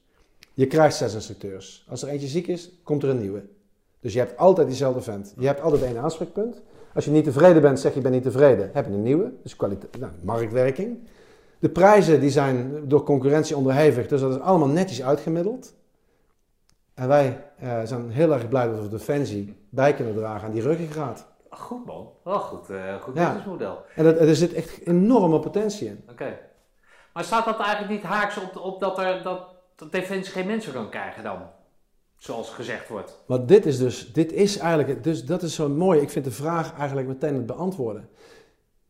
Die, Defensie kan die mensen niet krijgen en er is een oorzaak voor. Dus of je bent niet ingericht om ze te vinden, of als iemand weg is, dan gaat hij uit je lijstje. Want ja, die is weg, dus die, kan ik, die hoef ik niet meer te bellen. Nee, wacht even. Daar loopt de oplossing. Je moet alleen een moderner antwoord vinden. Als je hem onder de wapenen gaat brengen en hij wordt weer militair en is weer 38 uur en hij gaat weer uitzending en heeft, is zijn probleem niet opgelost. Misschien wil hij zelfs wel wat meer verdienen. Misschien wil hij wel gevarieerd werk. Dus we hebben een dak met heel veel werk. We halen een vent hier binnen. Die gaat uiteindelijk werken op de KMS. Is die klaar op de KMS, gaat hij voor ons een andere leuke klus doen. Hm. Of niet, want dat is een freelancer. Ja, en dat breiden, dat hebben jullie in de loop der tijd hebben dat dan uitgebreid met, het, met, het, met het- de gewone maatschappij, dus de niet-militaire. Of zie ik dat verkeerd? Ehm, Als je het hebt over dat gesprek binnen zo'n gemeente, waar je, hè, dat, Ja, ja, dus je breidt daarin uit. Ja. Dus je gaat ook buiten, buiten je kaders, op die Ja. originele, ka o- ja, originele Ja. kaders. Kijk, voor Defensie is het logisch dat je een militair inbrengt, want er wordt een militair gevraagd. Bij de politie, idem, er wordt dus een politieagent gevraagd. We hebben ook best wel een eh, grote klus voor de politieacademie. Eh, in het tactisch-medische ligt dat anders. Er zijn bijvoorbeeld beveiligingsbedrijven in Nederland die ehm, op een melding af moeten gaan en niet weten wat ze aantreffen. En dan kun je dus ook in een situatie komen dat het misgaat. En eh, zo'n beveiligingsbeambte die raakt gewond. Ja. Hoe handel je dan? Nou, dat stukje dat kun je kopen bij EHBO. Dan bij het Oranje Kruis kun je ongetwijfeld wat, eh, wat, wat halen. Of mensen hebben eigen ervaring. Maar er is ook een protocol wereldwijd. Dat werd in Amerika wordt dat beheerd door NAEMT, weer zo'n afkorting. En de ambulanceacademie is daar één instituut van die dat dan uit mag leren. Nou, we hebben onszelf opgewerkt tot het tweede instituut in Nederland die dat mag doen. Dus wij certificeren medisch personeel, ook bij de politie, ook bij de Belastingdienst, ook bij Defensie zelfs, maar ook aan de civiele partijen. En die krijgen na een opleiding van ons, mogen we een certificaat uitreiken. En daarmee sluiten dus aan op de keten. Dus Oh, heel dat- mooi man. Ja, Maar daar zit dat ondernemerschap in, dus. Waar jij, Ja. de, de, de- de- jij hoe heet je, het, eh, kampioen, sorry? Onno. Onno. Dus toen dat in Angola was, toen hebben jullie al besluit genomen, als we dat gaan doen, dan, dan kunnen we niet groeien. Dus we blijven hier zitten. Hè? Eh, eh, jij op die stoel, ik op die stoel, we hebben nog maar geld voor één euro, dus daar doen we het mee. En elke keer als er een stap bij wordt genomen, qua projecten of qua, qua doelgroepen, dan blijven jullie hier zitten en daarin, dat is jullie kracht. ja dat, dat, dat, eh, dat wisten wij niet Dus eens. die ambulancejongens, die, die, die, die eh, weet ik veel, alle, dat, dat, dat, dat gaat in jullie brein om. Hoe Ja. kunnen wij die jongens uitnutten, die 70 man die we hier hebben lopen, hoe kunnen we dat nou verder uitnutten? Is dat het? Ja, daar zou te veel credits zijn voor ons inhoudelijk. Want dat is, het het is wel waar wat je zegt dat wij hier blijven zitten. Hè? Dus wij bedenken dingen. Eh, we hebben in het begin ook veel meegewerkt. Ik heb nog steeds een project waar ik zelf inhoudelijk in zit. Maar het is wel waar dat wat, wat we nu... eh, we zitten nu op een andere locatie. Dat was echt eh, een half jaar geleden ook nog anders. Dus we hebben de wind wel echt behoorlijk in de zeilen. Maar eh, bijvoorbeeld het hele medische is een, is een, is een, eh, is een verdienste van twee van onze werknemers. Eh, Rob Smets en Tim Muller, die zijn met een idee gekomen. En die zagen daar markt voor. Maar die wilden dat niet zelf gaan doen in ondernemers. Ik wilde het met jullie gaan doen. En we hebben erover gesproken hoe we dat gaan doen. En uiteindelijk was de beste oplossing, weet je, kom gewoon in dienst. En werk onder onze paraplu gewoon met, gewoon als een baan. En ga dit maar gewoon eh, verkennen en uitwerken. Dus een jaar de tijd voor genomen. Ja, het is ongekend waar dat nu, eh, waar dat nu staat. Oh, leuk man. En, die, en wat wij dus doen, hè, dat is dan die vraag, dat vind ik dus. Wat wij doen, is we hebben gezegd van wij gaan werk niet meer als werk zien. We gaan werk. Nou, hoezo, dat heb jij toch nooit gedaan? Nee, ja, nee, dat is sowieso een ding. Dat is ook, hè, daar kom je over die valkuil uit. Maar we, ik bedoel, normaal gesproken, als je, een, als je een contract met iemand aangaat, dan krijgt hij een salaris en daar moet hij iets voor doen. Dat is bij ons overigens niet anders. maar wat het verschil Ja. maakt, is dat wij tegen die kerel zeggen: Hoe functioneer jij nou het beste? Nou, dan komt er een antwoord uit en dan gaan we dat zo doen. Gisteren zijn hier mensen die beginnen om drie uur met werken, die werken de hele nacht door, die slapen hier. Die gaan vanochtend werken, die zijn nu weer thuis. Dus die zorgen dus voor het gezin, die ontlasten het gezin en die hebben een accentverschuiving in hun eigen programma. En als ze dan, ik hoef ook niet te weten hoeveel vakantiedagen ze hebben, hoeveel uur ze, het maakt me niet uit, wij sturen op het effect. We hebben afgesproken met elkaar dat we dit gaan bereiken. Als we dat niet halen, hebben we dus ook een gezond gesprek van jongens, zo werkt het niet. Misschien moeten we toch bij jou meer terug naar, kom maar gewoon op kantoor zitten. Maar dat, dat gebeurt niet, want Maar worden dat dan partners binnen jullie, binnen jullie Nee. holding of, of wat dan ook? Of, eh? nee, dit zijn dus gewoon eh, medewerkers. Oh, oké. Ehm, en die regelen dan zelf hoe ze dat het beste. eh, nou is onze, we hebben ook ja, wereldwijd werk. Hè? Dus eh er kan in Singapore een telefoontje gaan naar Brazilië. En dan ben je dus eigenlijk altijd aan, aan zet. Dus dat moet je voor jezelf zien te regelen. Dus dat speelt het ook in de hand. Eh, maar wij hebben gewoon eigenlijk als soort van een eh, motto of een visie misschien wel. Iemand moet, het moet bij zijn leven passen. En te- nu met corona zien we dat heel sterk. Homeschooling, eh, kinderen die niet op school terecht kunnen. Allemaal stress bij, binnen bedrijven. Hoe moet ik dat er allemaal regelen? En als je dat dan niet gewend bent, ja, dan krijg je natuurlijk ook managementstress. Ja. We hebben die stress niet. Regel het. het is, komt het niet uit, dan kom je toch niet werken. Doe je het vanuit huis. Hm. Maar ah, onderaan de streep moet Maar natuurlijk dat wel begint kloppen. natuurlijk bij het selecteren van de juiste persoon met de juiste Zeker. inborst. Dus die kan je voor een boodschap sturen. Dus als die belt, van joh, ik blijf drie weken thuis werken, dan weet jij dat het goed komt. Toch? Dat is, dat, Dit, dat, dit, dit is precies wat het is. Want dat is- Ja. en, en soms gaat het ook mis. Hè? Want ik ga je niet een mooie loftrompet, want er gaan dus ook heel veel dingen mis. Want, Nee, tuurlijk. Bij 70 man gaat er altijd wat. Bij drie man kan al wat misgaan. precies. En dat hebben we dus ook gehad. Dus we Ja. hebben ook stappen terug moeten zetten. We hebben ook onszelf een spiegel voor moeten houden. Van, werkt dit nou wel echt? Hm. Maar eh, onderaan de streep, en dat krijgen we ook terug. En ik, ik, ik, zelf, eh Onno die heeft de neiging om dat vaker te benoemen. Hè, bijvoorbeeld een soort van familie. Ik, ik, daar zit voor mij blijven we iets te dicht op elkaar. Ik, ik, vind, ik vind het, maar het is wel echt een community. Het is, eh, ook de mensen die, die bijvoorbeeld naar Roosendaal, we zitten nu onder de rook van Roosendaal. Eh, maar niet voor niks onder de rook van. Roosendaal. Dit is een twee keer koprollen en je kunt hier een bakje doen. En dat zit ook vanuit de stichting, maar ook jongens die ooit weggaan, die misschien een nieuw soort werk willen. Ze zijn hier welkom. We willen vooral niet die magneet zijn om ze weg te trekken. Integendeel. Ja, ik weet dat dat, ik weet dat dat, wat jij nou zegt, dat klinkt dan, dat, uh, wel meer mensen horen het zeggen, maar ik weet dat het geen gelul is. Want toen ik met Dennis aan het, eh, Dennis eh, eh, de Kruijf, Dennis de Cruijff, ja. deelnemer van jouw kamp van Koningsbrug, jullie kamp van Koningsbrug. Ja. En ik stuurde jou een appje van, hey Ray, ken je niet, maar goh, moet je luisteren, ik heb beelden nodig, Moos en ik hebben beelden nodig Ja. om in dat filmpje te verwerken. Dan toen reageerde jij ook meteen. Ja, Snap je? En dat, dat heb ik aan meerdere mensen verteld. In de zin niet zozeer dat, ja, natuurlijk, Ray, ja, een hele goede vriend van me. Ja. Nee, maar het was meer in dat ding van, als je dus iets belooft, dan doe je dat dus. Snap je? En Ja. dat straal jij dus, dat, dat, dat straal je uit, maar dat maak je ook waar. Hoe klein het ook is. Want hoe makkelijk is om te zeggen, ja, moet luisteren, ik zag dan je mailtje, ik heb daar even geen tijd voor, want ik zit nou op de derde dag van, weet ik veel wat. ja. hè, van dat nice. Ja. Nou, dus ik wil dat eigenlijk alleen maar onderstrepen dat, dat ik dat waardeer, maar dat, het, dat ik dat dus zelf ook heb meegemaakt. En Ja. als je dat in je bedrijfsvoering weet door te voeren, ja, dan ben je denk ik wel goed bezig. Ja, dankjewel. Dat vind ik wel een compliment. En dat je het, dat je het benoemt. Maar, dat is, kijk, er, maar goed, vanzelfsprekend, er gaan ook, die dingen gaan dus ook ooit mis. En er zijn mensen die dat snappen. Nee, natuurlijk. Maar ja, dat is het wel een beetje. Als je dus belofte, en dat is, vind ik als startend ondernemer, is dat het moeilijkste. Als je met mensen wil gaan werken en je hebt nog geen werk, dan heb je de neiging om iets te beloven. Want je wil namelijk die operationele kant wil je voor elkaar hebben voordat die klant ja zegt. Ja. En we hebben dat losgelaten. We hebben gezegd nee. We, hebben zo, we moeten werken aan als ze voor ons werken, dat ze vertrouwen in en dan komt het goed. Dus dan hoef je maar een klus op tafel te leggen en je moet, kunt kiezen wie je erop gaat zetten. Maar je hebt als eerste te regelen dat die klant zegt: Ik wil het van jou afnemen. Want anders ben je de man van de 16 projecten waarvan er eentje doorging. In plaats van dat je de kerel bent. Die operatie is nooit een probleem geweest. Ook niet in Roosendaal, ook niet bij de dienst. Die kwam altijd goed. Het ging altijd over geld, logistiek, reisbewegingen, ondersteuning, verbindingen.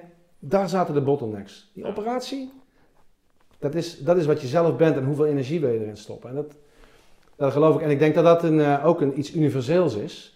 Eh, want ik, ik bedoel, we hebben nooit iets gedaan. Ik, ik weet zeker als je op een boodschap stuurt, dan is het je eer erna om het, hè, al zou het maar zijn, om die relatie ook gewoon te geven wat die, wat die waard is. Dat het niet klopt. Ja. En als je dat een keer bezoedelt, zonder een heel goed verhaal, dan doe je iets Ja, ik- daarmee. jij hebt dus, ik denk, ja, ik wil je niet te veel eh gaan lopen slijmen hoor, maar ehm, jij doet dus samen met je compagnon je best zonder, of je best, zoals jij in de ECO je best hebt gedaan. Dus niet van ik ga extra mijn best doen om een goede ondernemer te zijn. En dat maakt, geeft jou zekerheid in de zin dat mensen niet naar de concurrent gaan, voor zichzelf gaan beginnen. En als ze het doen, veel succes, misschien Ja. kunnen we samenwerken. Is dat, is dat Ja. de manier waarop Ja. jij onderneemt? Ja, Oké. dat klopt. En het, het is precies wat je zegt, ik ga niet mijn best doen. Om, ja, hier zit natuurlijk nog een andere, een andere, wat is het? Er zit een andere pijler onder. Die pijler, goed, we hadden het net even kort over gehad, maar de pijler van dat je, je moet omzet maken. Weet je, zonder omzet gaat dit verhaal niet werken.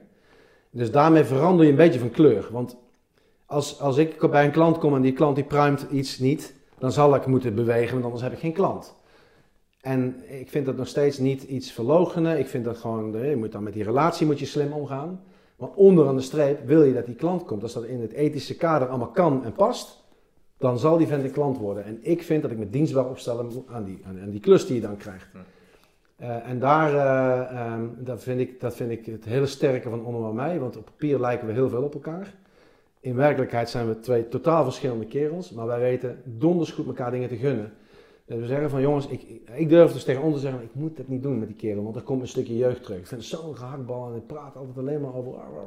Kan ik niet, weet je. Zet mij neer bij een, eh, bij een bouwondernemer of bij een betonboer. Doe jij deze kerel, want dat kun jij echt veel beter. En dat is iets, dat hoeven we niet met elkaar uit te spreken. Ik kan hem laten, ik kan zelfs een fout maken. En hij, dat is, ja, wij zeggen wel, we hebben nooit een eh, issue samen. Komen, Eh, jullie, komen jullie bij elkaar thuis op de vloer, privé ook? Ja, ja. Oké. Ja, overigens eh, niet per se heel intensief. Onze vrouwen kennen elkaar, de kinderen kennen elkaar. Maar wij zijn dus bijvoorbeeld niet met de verjaardagen of dat we dan, eh, weet je, het is... eh, Nee, maar het is niet werk en privé gescheiden houden. Nee. Het is gewoon nee, dat is... eh, flow en, en als ja. het zo uitkomt. ja, we hebben echt vriendschap. Veel vertrouwen, veel dingen meegemaakt natuurlijk. Ook al zeven jaar intensief samen ondernomen. En daarvoor kennen we elkaar ook al een jaar of tien. Ehm, maar wat, wat ik, wat ik denk ik wel een beetje een sleutel vind, is dat we allebei eh, onze zegeningen ook tellen met elkaar. Dus als er, hè, ik irriteer me natuurlijk soms aan hem op dingen. Hij heeft het bij mij ongetwijfeld ook. Maar we kiezen ervoor om dat ook gewoon maar te laten. Weet je, dat hoef je niet altijd te benoemen. Ik weet dat het ook een kracht is om het wel te doen. Ik kan ook transparant en eerlijk en, en direct zijn. Maar we kunnen het ook gewoon. Er zit zoveel goeds dat het ene stukje wat dan even misschien net even niet lekker loopt. Dus weet je, het is gewoon, dit is gewoon accepteren. Het hoort bij ons. Dit is. Maar het is gewoon puur praktisch. Zijn jullie de hele dag met elkaar aan het appen of, of hoe, eh, hoe werkt dat? Nou, dat, was in, dat is allemaal veel minder geworden omdat simpelweg de spel of control eh, groter wordt. We hebben nu echt gewoon veel duidelijkere taakaccenten. We bestieren de toko echt samen. Dus we zijn ook helemaal het eh, uitwisselbaar. Maar we hebben accenten. Ehm, en ik ben nu van meer de kant van de, de academie. Dus dat is waar we de trainingen gegeven worden bij Defensie. En Onno doet meer de Intel-kant. Ik heb een groot Intel-project nog, een beetje waar ik de verantwoordelijkheid voor draag. En hij heeft nog twee grote klanten eh, binnen het TGA. En dat is ook prima, dus dat laten we, laten we zo staan. Ja. Oh ja, TGA. De, ter- terwijl, waar, Dat waar is een moeilijke naam naam. in godsnaam vandaan? Het, het heet Triangular Group Academy. En wat, wat, wat is triangle? Is dat een triangle? Is dat... Ja, daar zit het woord eh, driehoek zit daarin. Hè? Ons logo, dat zijn ook drie driehoeken. Ja, ja. Waar het vandaan komt, en dat is ehm, eh, triangulatie. Dat is een Nederlands woord, dat wordt nooit gebruikt natuurlijk, want dat komt uit de meetkunde. Precies, gelukkig maar. Maar wat je met triangulatie doet, dus op C doe je dat vaak, is als je je eigen positie wil bepalen, heb je twee andere punten nodig. En ten opzichte van die twee punten weet je precies waar je staat. En wat we met inlichtingen doen, zeggen we, je kunt wel altijd, hè, beste directeur, je kunt wel altijd door je eigen zonnebril naar de wereld kijken. Maar laat nou eens een keer ons kijken vanuit die hoek. En laat ons nou eens een keer kijken vanuit die hoek. Dan heb je getrianguleerd. Wanneer, eh, wanneer kwam die... eh, was dat vanaf eh, punt 1, die naam? Nou, die naam wel, maar we hebben, wij, waren, wij waren al, eh, ik denk al vier jaar oud. Ja. En wij heten dus al Triangular Group. Maar dit verhaal, dat is ons door eh, een werknemer van Shell, is gezegd oh, dat komt natuurlijk van triangulatie. ja, natuurlijk, Onno. Toch? Zo ging dat letterlijk. En daarna, dankjewel. Hoewel we wel voelden dat hè, een driehoek is gewoon het geometrisch het meest sterke eh, lichaam. En wij zijn ooit met drie partners eh, geweest. Ah, oké. Eh, en vandaar ook dat we drie driehoeken, sterk figuur. Dus dat is het initiële verhaal. Maar we hebben het wel echt omgebouwd naar triangulatie, wat het, wat het eigenlijk ook echt is. Ja, het is wel Dus, een heel, heel, heel goed woord. We gaan even plassen.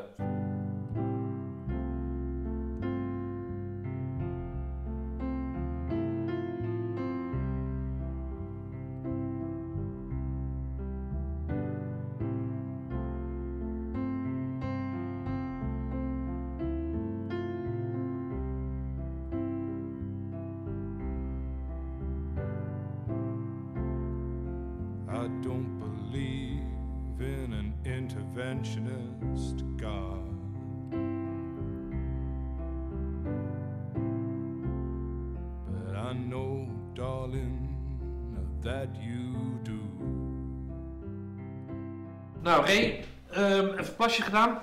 Wij kennen, eh, wij, wij- wij kennen jou natuurlijk vooral van de Sturgis eh, Cup. Als bestman van je lichting. Maar je schijnt ook nog ergens anders eh, bekend van te zijn. Dat is het, het, het programma waar nou, ik en veel van mijn luisteraars, ja, die duizenden luisteraars, op aangaan. Dat is Kamp van Koningsbrug. Ja. Hoe kom jij in zo'n rol te zitten? En hoe, hoe heb je dat met, je, met, met jullie bedrijf eh, aangevlogen? Hoe is dat, hoe, nou, ja, hoe is dat gegaan? hoe is het gegaan? Ehm, vorig jaar heeft Onno, een kompion, heeft met I Spy meegedaan. Dat is ook een televisieproductie geweest van ehm, een andere productiemaatschappij, Nederlands, ja. En dat ging dan over ehm, ja, een aantal kandidaten die zich eigenlijk een beetje lieten bekwamen door oud-inlichtingenofficieren. En dan een beetje in dat werkveld meenemen. Een hartstikke leuk programma. Had een iets ander tijdslot, was ook wat anders eh, ge- geprogrammeerd. Ehm, maar dat, dat, dat zegt van dit is zo leuk om te doen, die tv-wereld. We kenden het allebei niet en eh, hij was daar heel erg enthousiast over. En ik hoorde hem en ook eh, Hiske en, eh en Galil, twee mensen die met ons en bij ons werken, hebben dat met hem gedaan. Er was, gewoon, er was iets gebeurd, dat zag ik. Wel gaaf is dat, ja, maar ik, ik voelde het niet en eh, we hadden natuurlijk van alles en nog wat te doen. Hij zei, maar er komt binnenkort ook nog wel wat met, eh, met het KCT en eh, over SF-opleiding of iets dergelijks. Dat moet jij dan gaan doen. Dus zo is dat een beetje begonnen, een soort van verdeling tussen ons in die tijd. En ehm, ja, op een gegeven moment komt dat inderdaad. Dus er komt een, een belletje van een, van een jongen in ons netwerk met wie we op de KMS werken. En die zegt van, nou, ik word gevraagd of ik wat kan ondersteunen in de faciliteringszin met requisieten en, eh, en spul voor eh, een nieuw programma à la Kamp Waas. Eh, dat is een Belgisch concept. Hij zegt, eh, ze zoeken ook nog een club trainers, want er is iets met COVID en het, eh, Defensie kan het moeilijk ondersteunen. Is dat niks voor jullie? Nou ja, ik hoorde dat een beetje de wandelgang. Ik denk, weet je, laat maar gaan, dat zal allemaal wel. En, eh, maar mensen hier intern werden er best wel enthousiast van. En op een moment kregen we dat, was ik voor een hele andere reden, was ik, liep ik op het korps rond in, eh, de kazerne. En toen kreeg ik dat ook daar eh, binnen, dat ze aan het zoeken waren naar mensen die die instructiecapaciteit eh, konden leveren voor een nieuw tv-format. En er werden ook wat namen genoemd. En toen dacht ik van, hé, maar dit is hetzelfde als wat ik bij ons gehoord heb. Ik zie dat er hier best wel wat positieve eh, energie rondgaat. Hier moeten we denk ik toch maar eens even wat meer aandacht aan geven. En zo langzamerhand zijn we in contact gekomen met de productiemaatschappij eh Tuvalu, die dat, die dat organiseren en eigenlijk maken. En toen hebben ze wat, ja, hoe noem je dat, castings gedaan en eh, gewoon moest je wat inspreken. En we zijn eens naar denken over wie zouden we mee willen nemen en hoe ziet het eruit. En dan praten we over hoe lang geleden is dat? Ja, dat zal in eh, maart, april eh, 2020 zijn geweest. Oh, zo kort, zo kort. Ja, eh, ja, ik denk in, dit, in die periode. En, eh, ja, we hadden in, onder die zat al meteen te noemen van ja, dit moet jij gewoon gaan doen joh. Trek die kar en eh, we regelen het allemaal wel. Dus zo is dat eigenlijk gegaan. Dus ik ben eigenlijk een beetje naar voren gaan werpen, ook naar die productiemaatschappij, als naar het aanspreekpunt. En als het wat is en het past en het klikt, dan gaan we het ook aannemen als bedrijf. Weet je, we gaan dat dan niet als eh, allemaal losse freelancers doen. Weet je, we gaan gewoon, wij, gaan- wij, gaan dat dan, eh, wij gaan het dan oppakken. Waren er nog concurrenten op de, op de? Of lagen er nog... Nou ja, er waren mensen die ze ook benaderd, niet zij benaderd hadden, maar waarvan de naam ook rondging. En ze hadden wel wat te kiezen, want er zijn natuurlijk genoeg eh, jongens die dit kunnen. Ja, die waren er. En eh, sommigen hebben ons ook weer benaderd toen wij het gegund kregen van kan ik niet eh, met jullie dit meedraaien. Want hier, ja, dit hoef je maar te vragen en je hebt er 50. Ja. Omdat het een... En, en waarom dan? Niet zozeer dat het tv is, maar het is gewoon heel leuk om met elkaar iets te doen. En met jongens in dit werkveld, weet je wel, even gewoon eh, 24-7 bezig zijn. Dat is het ook allemaal gebleken. Maar we waren er eigenlijk na, ja, ik denk in mei of juni waren we eruit. Ehm, eh, hoe we het gingen doen, met wie we het gingen doen. En dat het KST dit ook echt zou gaan ondersteunen.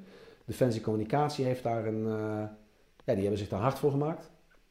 En ehm toenmalig korpscommandant René van den Berg, die heeft gezegd van oké prima, als we dit gaan doen, dan gaan we het ook goed doen. Dan eh, gaan alle registers los. Want dan maken we er ook een campagne van dat we onszelf in de etalage kunnen zetten. Ehm, hij sprak daar ook meteen het vertrouwen uit in mij. Ik ken René nog van dat we samen eh, in dezelfde compie gezeten hebben, hetzelfde peloton. Ik heb zijn, zijn peloton overgenomen. Dus we zijn eigenlijk een beetje haasje over achter elkaar aangegaan. En eh, ja, er ook wel een eh, vriendschap is daar ontstaan. En hij zegt van, nou, ik heb er gewoon vertrouwen in hoe lang je ook al weg bent. Want ik was al wel elf jaar weg bij het Korps Commandotroepen. En ik was zelf niet zozeer benauwd of ik, dit, of ik dit wel kon.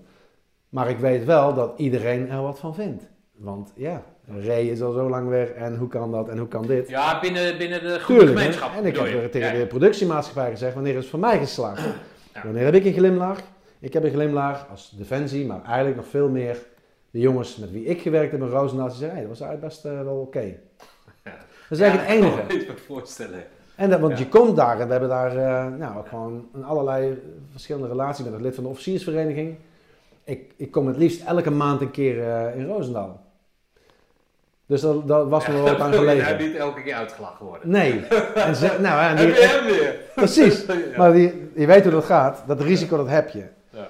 Maar goed, eh, dus we hebben daar gezegd, we gaan hier gewoon vol voor. En ehm, we hebben dat programma mee ontwikkeld. Ook een, samen een hele sterke stempel, stempel van ehm Bart de Graaf, eh, werving en selectie en communicatie. Ja, een hele prettige samenwerking eigenlijk met het korps. Maar het is, een, is het een Belgisch format? Of, of? Ja. En, en dus de Avotros heeft het van de Belgen gekocht? Ja, hoe dat commercieel zit, weet ik niet precies. Nee, maar maar goed, Kamp Waas maar- is van de Belgen, van een productiemaatschappij. Of, Maar zitten daar dan ook restricties op van hoe je dingen Ja. aan moet... eh, ja, oh, zeker. Ja. Dus je kan het niet helemaal zelf invullen. Nou, stel voor dat zij gezegd hadden van nou, we willen niet met een, eh, met een host werken, maar we willen gewoon eh, vier hoofdinstructeurs hebben. Dat had dus bijvoorbeeld niet gemogen, Nee, ja, denk ik. En ze kunnen dus ook niet twee hosts hebben of, of geen host hebben. Of... Nee, dat lag wel vast. Ehm, ja, dus het format was eigenlijk gewoon wat het was. Oké. Ja, en daar, en daar hebben we dus een Wat vond jij, sorry, maar wat vond jij van dat eh kamp Waas? Voor de, want dat heb je bekeken natuurlijk, voordat je daar... Ja, dus, dus dat was de eerste vraag die ik kreeg. Wat vind je van Kamp Waas? Ja, heb ik niet gezien. Ja. Ik had het helemaal niet gezien. Ik, ik hoorde ervan, maar ik heb nooit iets van die programma's gehad. Het is niet waar ik de tv voor aanzet. Omdat ik het... En dat is een vooroordeel. Eh, Ik, ik heb bijvoorbeeld wel de uitverkorenen gezien. Ja, ik, ik kan er niet naar kijken. Ik, eh, ik vind dat... Ik weet niet. Ik heb er niks mee.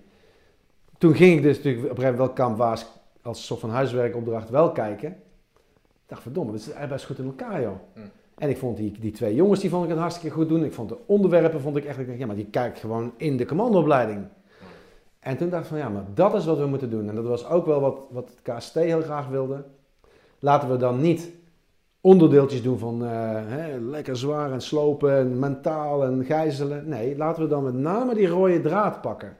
Van het altijd maar bezig zijn en die instructeur in je nek en het stopt nooit en het is uitzichtloos. En je bent gewoon eigenlijk altijd bezig met vormen. En dat is ook als de camera niet draait. Dan heb je ook wapenonderhoud of je moet een herinspectie of allemaal dat soort, ja, niet, in een programma niet te beschrijven elementen die het juist maken dat die ACO zo zwaar was. Die ACO die was met name pittig omdat jij op het station stond.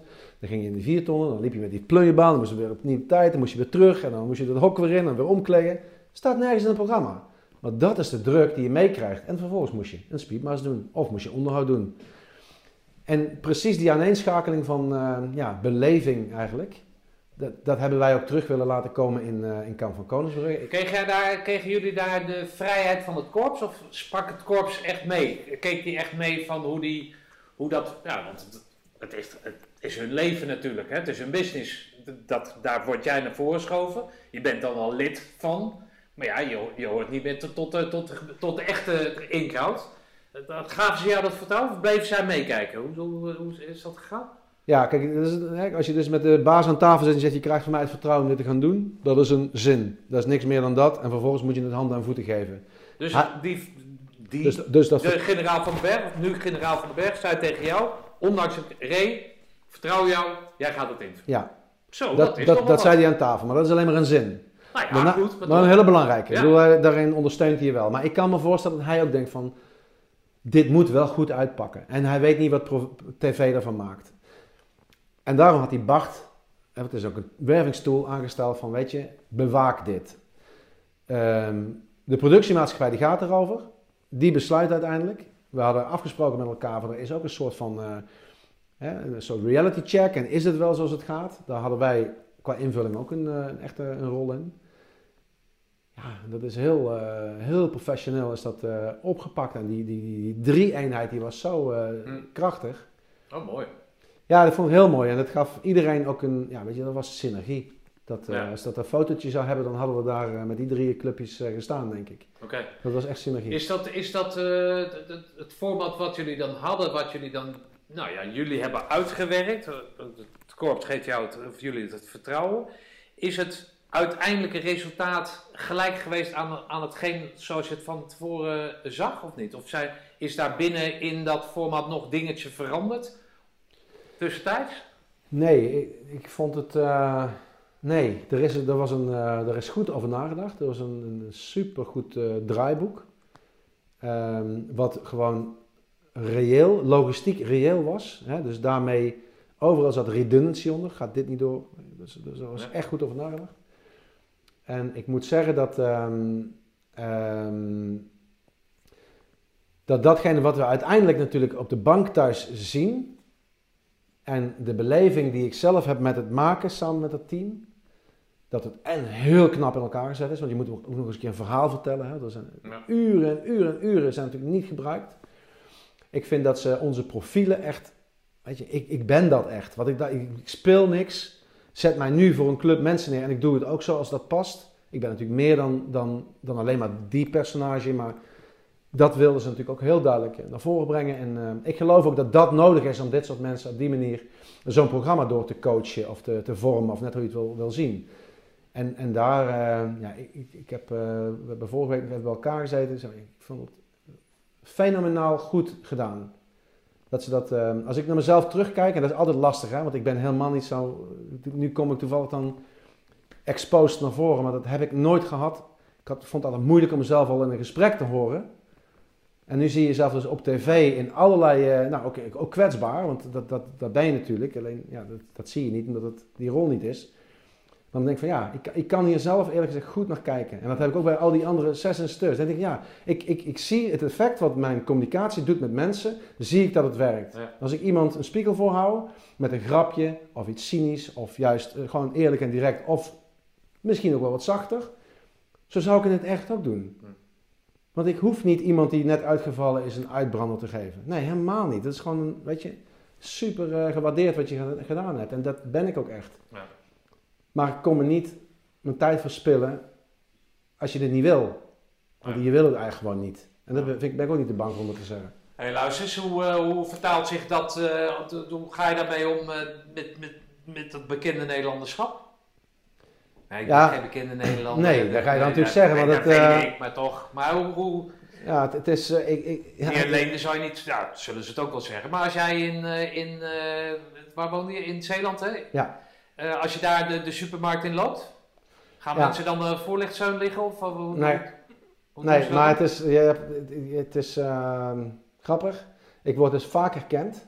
Nou, het begint natuurlijk met, ik was nooit actief op social media. Bewuste keuze van het bedrijf, gaan we wel doen. Daar zit van allerlei, je kunt daar gewoon boodschappen nu echt strategisch, gekanaliseerd gewoon plaatsen. En dat is wat we doen. Ehm, daarmee heb je natuurlijk enorm veel bereik. En, en, en, en dat gaat allemaal rond en het gezicht is door... Flikker het gewoon, maakt niet uit. flikker het gewoon op de grond. Zo ben ik ook. Ja. Ja, wat is het? 1,3, 1,4 miljoen mensen eh, werd dat iedere keer bekeken met terugkijken erbij. Ja, ik, eh, ik hoef maar over het strand te lopen, waar ik dan vaak ben. En dan loop je dan zonder mondkapje nu. Dus dat is, eh, nou, ik denk, om de vier mensen word je herkend. Maar wat zeggen ze dan? En dat is allemaal, ja, dat is eigenlijk best wel, best wel een compliment. Het is ook een beetje gek om dat hier te zeggen. Maar dat is een soort van, ja, het is, ik ga het ook niet zeggen ook. Nee, zeg dan. Nee, ja, tuurlijk. Ja, maar het is je iets- er zit-. Wat zeggen ze dan? Ja, er zit iets... Hey, weet je! Of wat zeggen ze dan? Nee, het is eerder vanuit, ga ik wat zeggen? Dat zie je, ziet de vertwijfeling. Maar dat is Nederlands. Dat is Nederlands, maar dan komt er iets in van, tikken ze de buurman of de buurman aan. Dat is vaak die vent van Kamp van Koningsbrugge of Ray.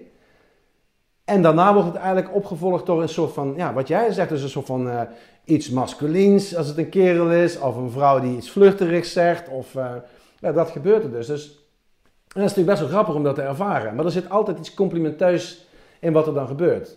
Dat is toch mooi, of niet? Dus het is, het is heel mooi. Het is, eh, ik bedoel, het is heel mooi. En ik, ja, en ik kan er ook goed tegen, moet ik zeggen. Ik bedoel, ik, ik vind het niet eens vervelend. Ik dacht van, ja, hoe gaat het met je doen? Nou ja, wat mij heel erg trof in dat commando-ding, eh, jou daar ziend, eh, weet ik wat, is dat jij de belichaming bent geworden van, van de Nederlandse commando.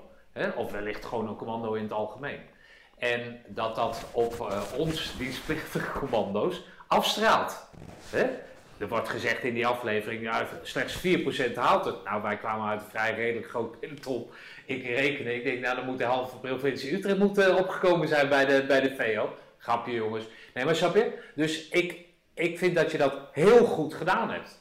Snap je? En, en dan, dan dat, dat, omdat je dat zo goed, goed gedaan hebt, krijg je waardering van de buitenkant. Toch? Ja, ja. Van de buitenwereld, laat het zo zeggen. En dat maakt het ook een beetje. Kijk, dat is natuurlijk echt een compliment. En dat, dat maakt het ook misschien moeilijk om dat dan zelf te zeggen. Ehm, maar dit is wat ik dus wel vaker hoor. Het, het- het- hè, ik vond het mooie, de, de S3 van het KCT, die zegt van ja, dit is gewoon. Ik ben een keer bij Jinek geweest en nog een keer bij Omroep Brabant. Er zit gewoon een soort ambassadeurschap in. Hè? Je kunt gewoon een bericht vertellen. En, en dat is ook iets van een eh, ja, soort bewustwording. Van nou, oké, we hebben hier nu een cameraatje staan. Er komt misschien straks nog eens wat. Of eh, nou, wie weet komt er ooit een seizoen 2. Welke boodschappen wil ik nou gewoon ook echt framen? Ik vind het gewoon, ik vind het belangrijk dat die community goed voor beeld komt. Er zijn natuurlijk, nou bijvoorbeeld een mooi voorbeeld, Marco Kroon. Weet je, iedereen, niet iedereen, maar er zijn, je hoort allerlei verschillende geluiden rond Marco. Ik heb daar zelf ook een, een, een beeld bij, ook vanuit de stichting. En ik, ik, ik, ken hem goed, ik weet wat, wat voor inborst erin zit. Ik weet ook dat er andere dingen gebeurd zijn en dat dat opinie vormt. Maar soms is het ook goed om, om, om ja, laten we zeggen, de, het feit dat je zomaar in Nederland van je af kunt tikken wat je kunt tikken en dat het iemand beschadigt. En dat het uiteindelijk iets met media doet en dat dat op een gegeven moment waarde krijgt als er iets gebeurt rondom een persoon. En dat het eigenlijk een valse aftekening is van wat iemand echt is. Dat bewustzijn, dat is er niet altijd. En ik, heb nou, ik zit precies aan de andere kant. Hè. Ik heb dus echt geluk dat het, dat het goed uitpakt. De compliment die jij geeft, de mensen die op het strand hallo zeggen. Stel nou voor dat ik gewoon echt een flater had gemaakt, of een mega drol was geweest daar op de tv. Wat doet dat dan met je? En het eigenlijk de, is de intentie was hetzelfde. Ik ben ermee begonnen om iets moois te maken voor het KCT, hopen dat het werft. En dat we zelf een leuke tijd hebben. Ja. En, en ik, ik, ik doe niks af van het feit dat we een democratisch en een rechtsstaat en dat mensen recht moeten. Daar heb ik het helemaal niet over. Ik heb gewoon, wat doe je, met, wat doe je met een mens door, weet ik veel, je eigen ongenoegen dat je in je buik hebt zitten eh, op Twitter te zetten. Wat, wat, wat, wat dien je dan mee? Laat het gewoon zo belopen. En dat is natuurlijk een eh, roepen in de woestijn dit. Maar dan hoop ik dat die woestijn nu een luidspreker heeft, dat ik het net wat harder kan roepen. En dat ik net wat harder gewoon, net zoals ik net zei, die, dat, dat trots zijn, dat is natuurlijk heel erg gericht op onze community. Ja, vind ik gewoon. En je hoeft, mag het er niet mee eens zijn. Ik, zit ook niet te wachten op een discussie of dat iedereen me nou gaat challengen van ja, en dit en dat. Helemaal niet. Maar dit is wat ik vind. En het komt echt uit een eerlijk hart. En ik heb er lang gewerkt. Dit is wat ik vind. En dat is een kwetsbaarheid voor jongens en je kunt ervan leren. Jullie kunnen met z'n allen leren van het feit dat je moeilijk omgaat met het verleden van het feit dat we dienstplichtig hebben gehad. Omdat we er anders over praten. Ik wil dat we een andere toon aanslaan. Ik ga jullie niet doen, misschien, maar dit is wel wat ik ervan vind. En denk er met elkaar over na, want ooit ben je zelf 20 jaar weg. En dan is het prettig als je je met respect benaderen en daar op een respectvolle manier mee omgaan. En dat heb ik dus ook heel sterk als ik, eh, als ik met Marco praat. En dan probeer ik van alles uit te schakelen wat ik natuurlijk ook zie en weet. En misschien zelfs ook wel soms eh, denk en voel. Nee, maar daar gaat het me niet om. Het gaat erom dat je een kerel die gewoon van een sokkel afgedonderd is afgelopen jaren. En daar gewoon last van heeft. Dat is toch logisch? Je bent een voetstuk. En nu word je eigenlijk gewoon... eh, ja, hier, krijg je gewoon, hier heeft hij gewoon last van. En dat komt door ons allemaal. En ook omdat we niet een soort collectief geluid hebben of om hem heen staan. Nee, want we vinden er zelf intern ook al wat van. Dat vind ik moeilijk. Want ik, ik gun hem namelijk het beste. En ik vind ook dat hij verantwoordelijkheid moet dragen voor zijn eigen dingen. Ik bedoel, het is niet dat ik hem nou hier in bescherming neem. Maar ik zie wel gewoon een oude maat, een collega, die echt met zijn ballen gewoon eh, op een hele klote plek gezeten heeft. Daar ook eh, verdienstelijk voor is onderscheiden. Maar dat is zo tijdelijk allemaal. En dan maakt hij fouten en dat is in de, in de schijnwerpers. En dan, eh, dan vinden we in één keer, eh, nou, ik kan er lang verhaal over houden, maar we vinden te snel dingen. Nou, centraal staat, want je, wil, je moet weg. Centraal staat, eh, ja, ik hoef het eigenlijk niet te vragen, maar het zit in het voorbeeld opgesloten. Wat heeft die groene beret nou voor jou in je leven betekend? Zou dat in een paar woorden, nou, jouw kennende zal wel wat langer duren, gaat allemaal van je eigen tijd af. Zou dat in een paar woorden kunnen, kunnen, kunnen samenvatten? Ja, het ik zou eh, bezegeling willen zeggen. Het is, voor mij is die groene beret iets wat er dus kennelijk in zat. het konden uitkomen in een 14-weeks eh, programma. Waarden als doorzetten en eh, zelfredzaam, eh, jezelf wegcijferen voor de club. Iets wat er dus gewoon in zat, dat komt er dan uit. Dat wordt be- beloond met een, met een groene beret. En daarmee zeg je eigenlijk van ja, hey, dit is dus heel veel waard kennelijk. Want wij vinden dat hier met z'n allen op die appelplaats is heel veel waard dat we dat allemaal hebben laten zien. En dat is een soort van eh, verzekering voor, dat moet je dus vasthouden in je leven. Als je dus alles wat je hierna gaat doen, als je dat doet, dan verloog je jezelf nooit en dan kom je er wel. En dat is denk ik wat, eh, wat het voor mij betekent. Ik, eh, er zit er gewoon veel waarde onder. Nou, goed man. Nou, ik ben er een beetje stil van. Nou, dat, dat, dat is En eh, ik wil je bedanken, ik wil je bedanken voor de gastvrijheid. Fantastische nieuwe locatie. Dankjewel. Eh, ik hoop eh, dat, eh, dat de populariteit van, eh, van je commerciële avonturen op tv eh, ook mag afstralen, nog meer mag afstralen op je, op je, op je werk binnen, binnen jullie mooie bedrijf. Dankjewel. En, eh, nou, we houden contact. Heel leuk en dank voor de kans Stefan. En ik vond het een leuk gesprek. Dankjewel. Wim. Yes, thanks. Nou, dat was hem dan weer. Ray, dank voor je verhaal en je gastvrijheid. Luister ook naar aflevering 34b, waarin Ray vertelt over de noodzaak van zijn stichting Commando en Family Support.